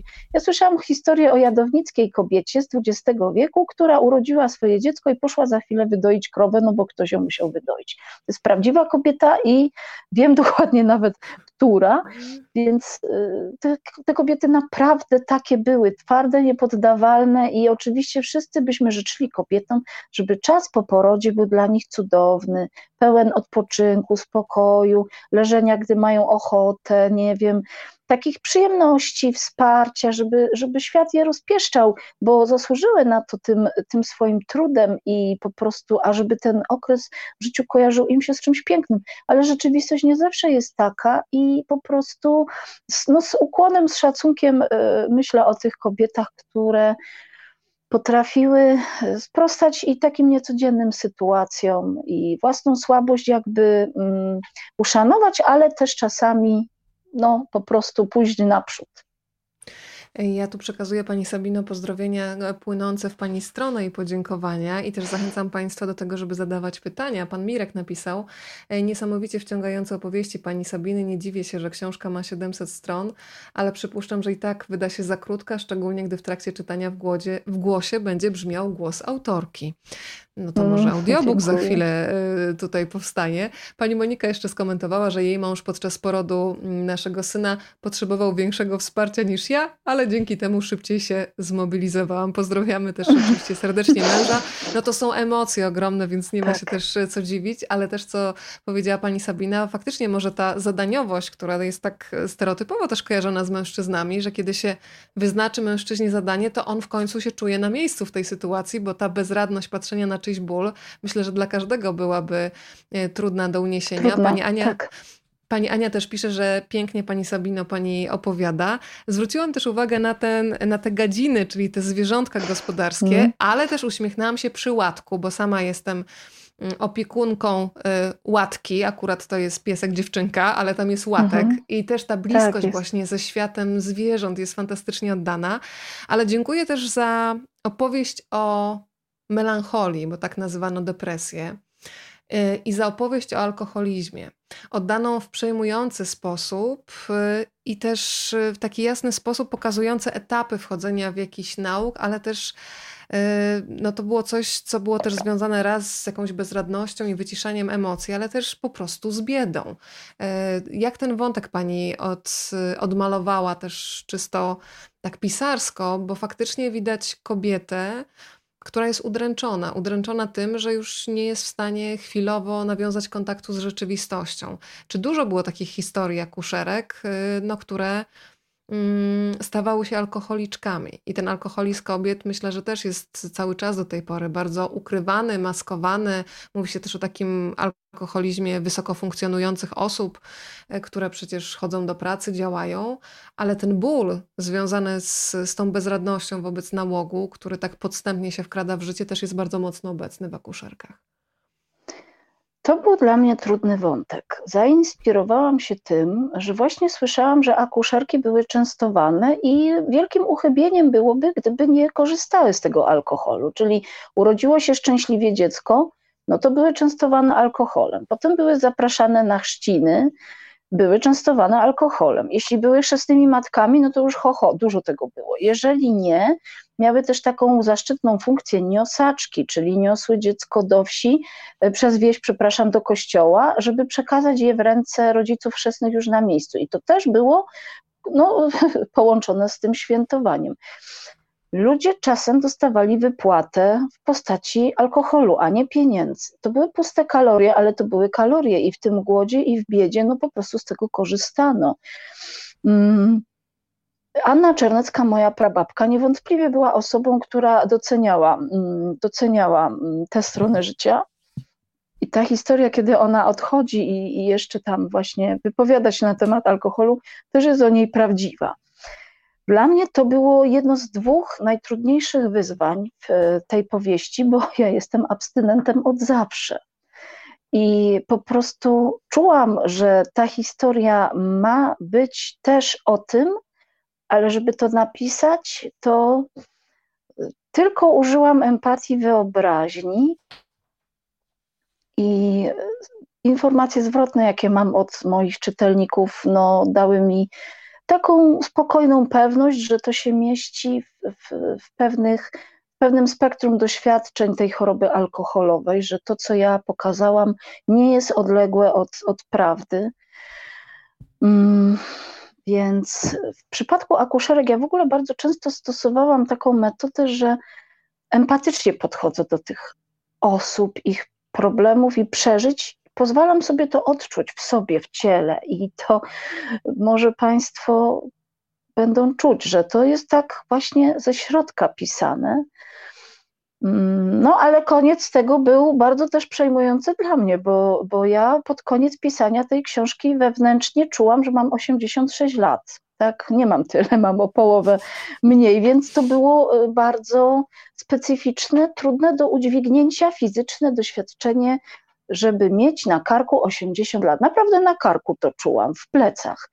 Kiedy skończyłam pisać akuszerki i zdjęłam te 86 lat e, z siebie i powiedziałam, wow, ja mam 47, ile możliwości przede mną. Było takie, taka nagroda swego rodzaju. A drugim takim doświadczeniem, które było dla mnie również wyzwaniem, to było, co widzi palec położnej. No bo to z kolei, jak podkreślałam na początku medule, nie wykonujemy żadnych czynności medycznych. Więc skoro chciałam zadać to pytanie i odpowiedź uzyskać, co widzi palec położnej, no to znowu wiedza z XIX-wiecznych podręczników plus wyobraźnia i tutaj z kolei poprosiłam trzy położne, które z tego miejsca bardzo, bardzo serdecznie pozdrawiam, poprosiłam o przeczytanie takie krytyczne i wytknięcie mi błędów logicznych. To, że ich nie znalazły, to było dla mnie wielkim takim e, momentem szczęścia, że nie ma tych błędów i, i że możemy iść dalej w tej powieści, że, że mogę ją wydać i położne ją e, w jakiś sposób zaakceptowały. Więc to było, to było dla mnie takie nobilitujące wręcz, że położne powiedziały, że jest ok, chociaż ja nie mam takiej wiedzy, jakiej mają one, bo dule, no choćby nawet nie wiem jak często były przy, przy porodach, to nigdy nie będą miały takiego doświadczenia i wiedzy, jaką mają położną, bo po prostu nie zajmujemy się tą stroną życia, tak? Zajmujemy się psychiką rodzącej, jej emocjami, jej bieżącymi fizycznymi potrzebami, czasem nawet dość abstrakcyjnymi, no ale nie tą medyczną stroną przedsięwzięcia, więc tutaj właśnie wyzwanie podjęte. Ja jeszcze mam dwa tematy, które bym chciała podczas tego wieczoru omówić. Jeżeli Państwo mają swoje pytania, to jest idealny moment, żeby teraz je przelać na klawiaturę komputera, a ja z przyjemnością przekażę je Pani Sabinie. Mm, jest taki fragment, który czyta się w sposób szczególny, mm, patrząc na sytuację na świecie. Bardzo wyczuwalny jest ten moment obaw przed Hitlerem. Był sierpień 1939 roku i nikomu nie było do śmiechu, ale ludzie mimo wszystko próbowali normalnie żyć, póki jeszcze się da. I potem ten wątek, kiedy zaczynają się prześladowania Żydów, powiedzmy o tym, co działo się wiosną 1941 roku w Brzesku, bo tutaj już, widzimy, e, tutaj już widzimy, do czego prowadziły te podziały i też taką bezsilność, bezradność ludzi, którzy przez lata żyli ze sobą razem w zgodzie i nagle są dzieleni na kategorie. O tak. W Brzesku, ponieważ miasto Brzesko, położone tuż obok Jadownik, było miasteczkiem y, no, od średniowiecza funkcjonującym, położonym na szlaku handlowym, no to też nie jest to nic dziwnego, że bardzo wielu mieszkańców było Żydami, no bo trudnili się handlem, rzemiosłem. To było świetne, strategiczne miejsce, żeby się tym trudnić. I w XIX i w XX wieku naprawdę bardzo znaczna część ludności była izraelicka. Nawet to było widać w, w proporcjach samorządów lokalnych, jak te władze się kształtowały. I ludzie ci ze sobą żyli. Raz lepiej, raz gorzej. Były, były chwile zgrzytów, były chwile przyjaźni i współpracy. I to jest wszystko prawda. I w Jadownikach również byli Żydzi, którzy prowadzili karczmy czy jakieś sklepy, a potem nagle się okazało, że tych wszystkich ludzi, którzy po prostu są Izraelitami, wywozi się do getta, do Brzeska, gdzie nie wolno wejść nikomu, kto nie ma przepustki, gdzie nie, skąd nie wolno wyjść. I oni w tych gettach się tłoczyli, ale zanim się tłoczyli w gettach, to ta segregacja następowała powoli, lecz nieubłaganie. To, co wszyscy Państwo znają z historii, znakowanie, stygmatyzowanie ludzi poprzez, poprzez opaski z gwiazdą e, Dawida, poprzez różne zakazy, poprzez niesprawiedliwy przydział reglamentacji e, towarów, że e, właśnie mm, jak jakim to sposobem mogło być sprawiedliwie, że Żydzi dostają mniejszy przydział węgla, czy nafty, czy, czy żywności w tych y, początku okupacji. A potem, kiedy sytuacja się zintensyfikowała i zrobiło się jeszcze trudniej, ludzie mieszkali w tym getcie tłocząc się. I to napisał kronikarz y, Brzeska, Jan Burlikowski, który zebrał takie rozmaite dokumenty w wielotomowych kronikach, że całe getto tak naprawdę, tam była taka ulica Wapienna, że cała Wapienna to jeden wielki jęk z głodu, z chorób. Jak musieli się strasznie czuć ci ludzie w getcie i jak strasznie musieli się czuć ci ludzie wokół getta, którzy mieli no, dość naprawdę ograniczone możliwości pomocy bo tak czy siak ryzykowali i niektórzy ryzykowali, inni nie ryzykowali. No, słyszałam różne historie, słyszałam historie o ludziach, którzy to przerzucali tam jakieś jedzenie, a to próbowali kogoś z tego getta wyciągnąć. Słyszałam historię o mężczyźnie, który po jednym dziecku y, żydowskim, zanim jeszcze było getto, wywoził na rowerze gdzieś, gdzieś gdzie, gdzie były bezpieczniejsze. Więc te postawy były takie statystyczne, czyli no, były skrajności, była też ta duża, znaczna część brzeszczan y, pochodzenia mm, nieizraelickiego, czyli chrześcijan, którzy no, po prostu patrzyli na to z przerażeniem, mieli swoje przemyślenia, próbowali pomóc albo i nie.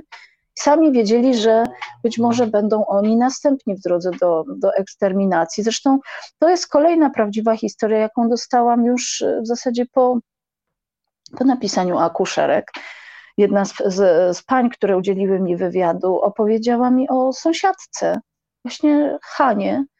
Hanie, która była Żydówką i jak ta Hana była zabierana do, na śmierć, mówiąc krótko, na rozstrzelanie, nie tak od razu, ale ta Hanna to przeczuwała, to powiedziała tam swoim sąsiadom, jadowniczanom, no chrześcijanom, że my jesteśmy na, na śniadanie, a wy będziecie na obiad tak, tak ci ludzie też prawdopodobnie to czuli, że, że to jest etapami. I ja chciałam uwiecznić też te przejmujące momenty w, w relacjach między ludnością chrześcijańską a żydowską. Wszyscy oni byli mieszkańcami i Jadownik, i Brzeska, i po prostu różniła ich religia, strój, może pewne szczegóły obyczajowe, ale nieraz się ze sobą przyjaźnili, nieraz ze sobą może romansowali. I nagle nastąpiła taka wyrwa. Zabrano tych ludzi. Zniknęli, umarli, zginęli. W Brzesku jest takie miejsce, plac Kazimierza Wielkiego. Kiedyś to był tak zwany rynek sienny, gdzie sprzedawanie właśnie siano tam sprzedawano, takie bardziej gospodarskie towary w tym miejscu, w przeciwieństwie do innych y, rynków, gdzie obracano innymi towarami. Na tym rynku siennym zgromadzono Żydów wywlekanych z, z getta, tych, którzy jeszcze przeżyli, ale nadal to, były, to było mnóstwo ludzi i kazano im tam klęczyć z rękami do góry, czekać na śmierć. I kiedy przeczytałam o tym i dowiedziałam się o tym, to już nie potrafię inaczej spojrzeć na to, na to miejsce, na ten plac.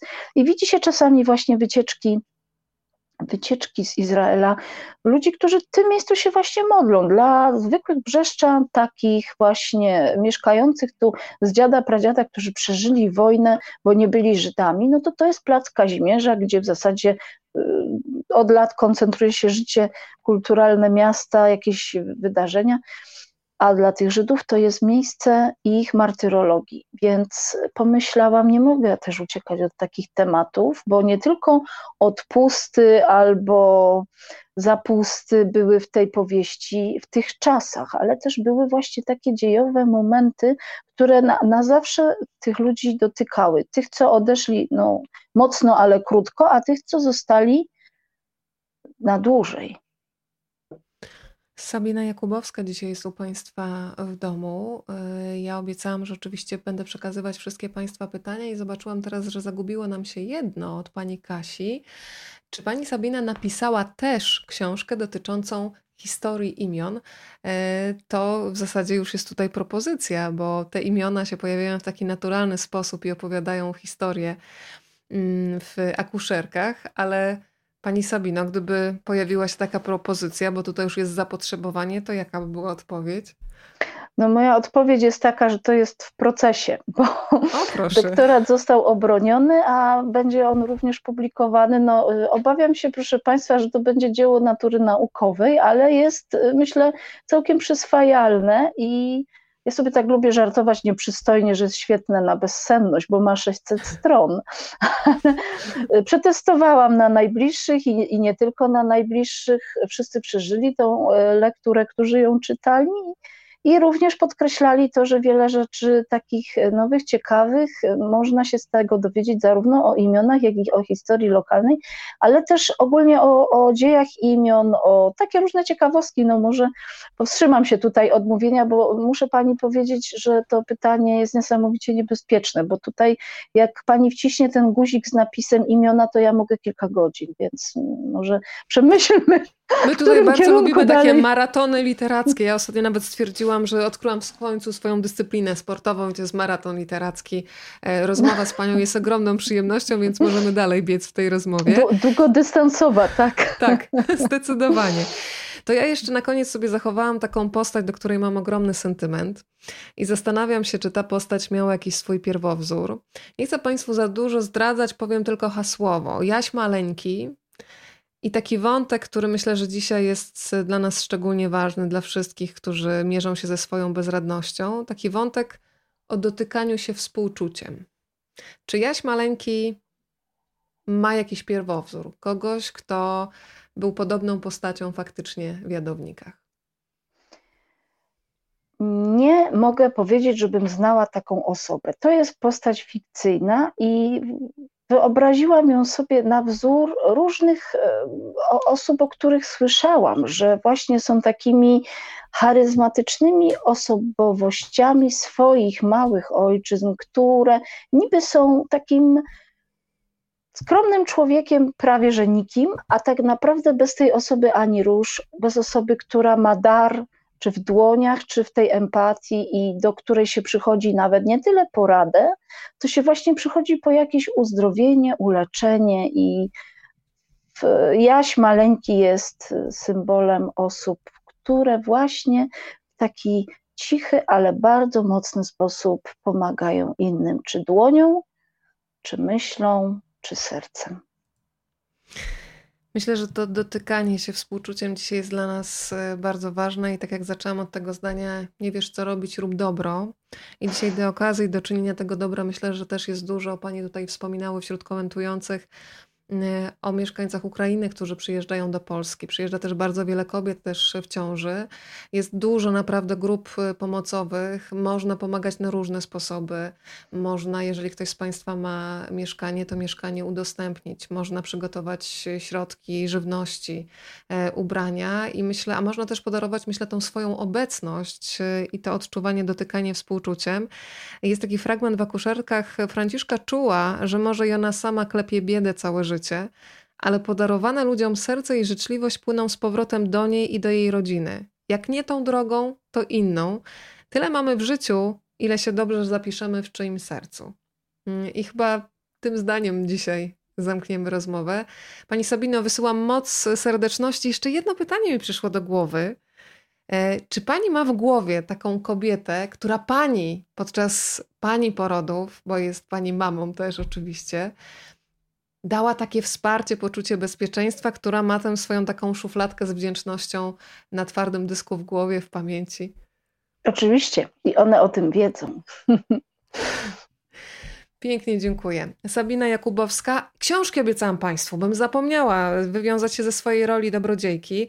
E, pani Sabino, zresztą dzisiaj przed naszym spotkaniem przypomniałam sobie, że ktoś mi kiedyś powiedział, że istnieje coś takiego jak naturalny poród słowa a miał na myśli takie spokojne rozmowy jak nasza dzisiejsza, która trwa już ojej dwie godziny, więc to jest faktycznie spokojny, naturalny poród słowa, kiedy nie przypinamy nikogo do ściany, nie podtykamy mu na siłę e, mikrofonu, tylko mamy czas, żeby mimo, że przez komputer, ale spojrzeć sobie prosto w oczy i z zainteresowaniem posłuchać Pani opowieści. E, więc dzisiaj wszyscy tutaj byliśmy akuszerami, akuszerkami tej rozmowy. A teraz poproszę jeszcze od Pani mm, dwa wskazania. Tutaj sobie zaznaczę taki przedział od 1 do 20 Dwa numery i za chwilę Państwu podam adres mailowy i zobaczymy, komu się uda w takiej, a nie innej kolejności wpaść do skrzynki Rozmawiam, bo lubię i te dwie osoby e, obdarujemy akuszerkami od grupy wydawniczej Relacja. Mam podać dwa numery, tak? Tak, poproszę. Aż to mnie przejmuje po prostu grozą, bo co z resztą osób? Reszta osób się zaopatrzy już, e, już zresztą widziałam podczas rozmowy, że Państwo już tutaj dokonywali zakupów, e, bo tak wciągająco Pani opowiadała, więc teraz trzeba dać losowi szansę, a los to już za nas tutaj załatwi, więc odpowiedzialności nie ponosimy, ale dajemy szansę na wygraną. Okej, okay. to zanim to zrobię, to chciałam bardzo serdecznie podziękować za zaproszenie do tej rozmowy, za przemiłą chwilę z, z panią, która okazała się być dwoma godzinami, kto by pomyślał, i za Państwa uwagę, obecność i właśnie wsparcie. Ja tego wsparcia doznaję podobnie jak Franciszka. Przyjmuję, daję. Niekoniecznie to musi być ten sam zwrotny adres. Energia krąży i można nią zrobić bardzo dużo dobra innym ludziom, a także sobie, kiedy się człowiek otworzy na to, żeby też pozwolić sobie przyjmować, bo to wcale nie jest taka łatwa umiejętność i tego się czasem trzeba nauczyć. A zatem życząc miłego czytania i dziękując za ten wspólny czas, ja proponuję numer 9 oraz 13. Bardzo też lubię trzynastki. To ja zaraz po naszym spotkaniu sprawdzę naszą skrzynkę i niezwłocznie Państwa poinformuję, do kogo książki powędrują. E, zapowiem jeszcze, że marzec otworzymy wspólnie z Julią Łapińską i jej książką Czerwone Jezioro. E, to jest zwyciężczyni konkursu na powieść sensacyjną wydawnictwa Agora i od razu Państwu powiem, że czuć, że za tą książką stoi rasowa reporterka, bo wybiera taki temat, który jednocześnie pozwala śledzić nam historię kryminalną, ale też eksplorować ludzką psychikę. 1 e, marca widzimy się o godzinie 20.30, ale przypomnę jeszcze Państwu, dla tych wszystkich, którzy mają niedosyt i chcieliby dłużej zostać e, z Sabiną Jakubowską, zapraszam na ten, e, pod ten adres. Tam znajdziecie blog poród niezapomniany blogspot.com i ciąg dalszych tych niezwykłych historii, które zatrzymują miłość, zatrzymują wdzięczność, również niepewność, to wszystko, co jest naszą codziennością. Sabina Jakubowska była dzisiaj razem z Państwem. Pięknie z całego serca. Dziękuję za to spotkanie i za rozmowę. Dziękuję bardzo. Wszystkiego dobrego.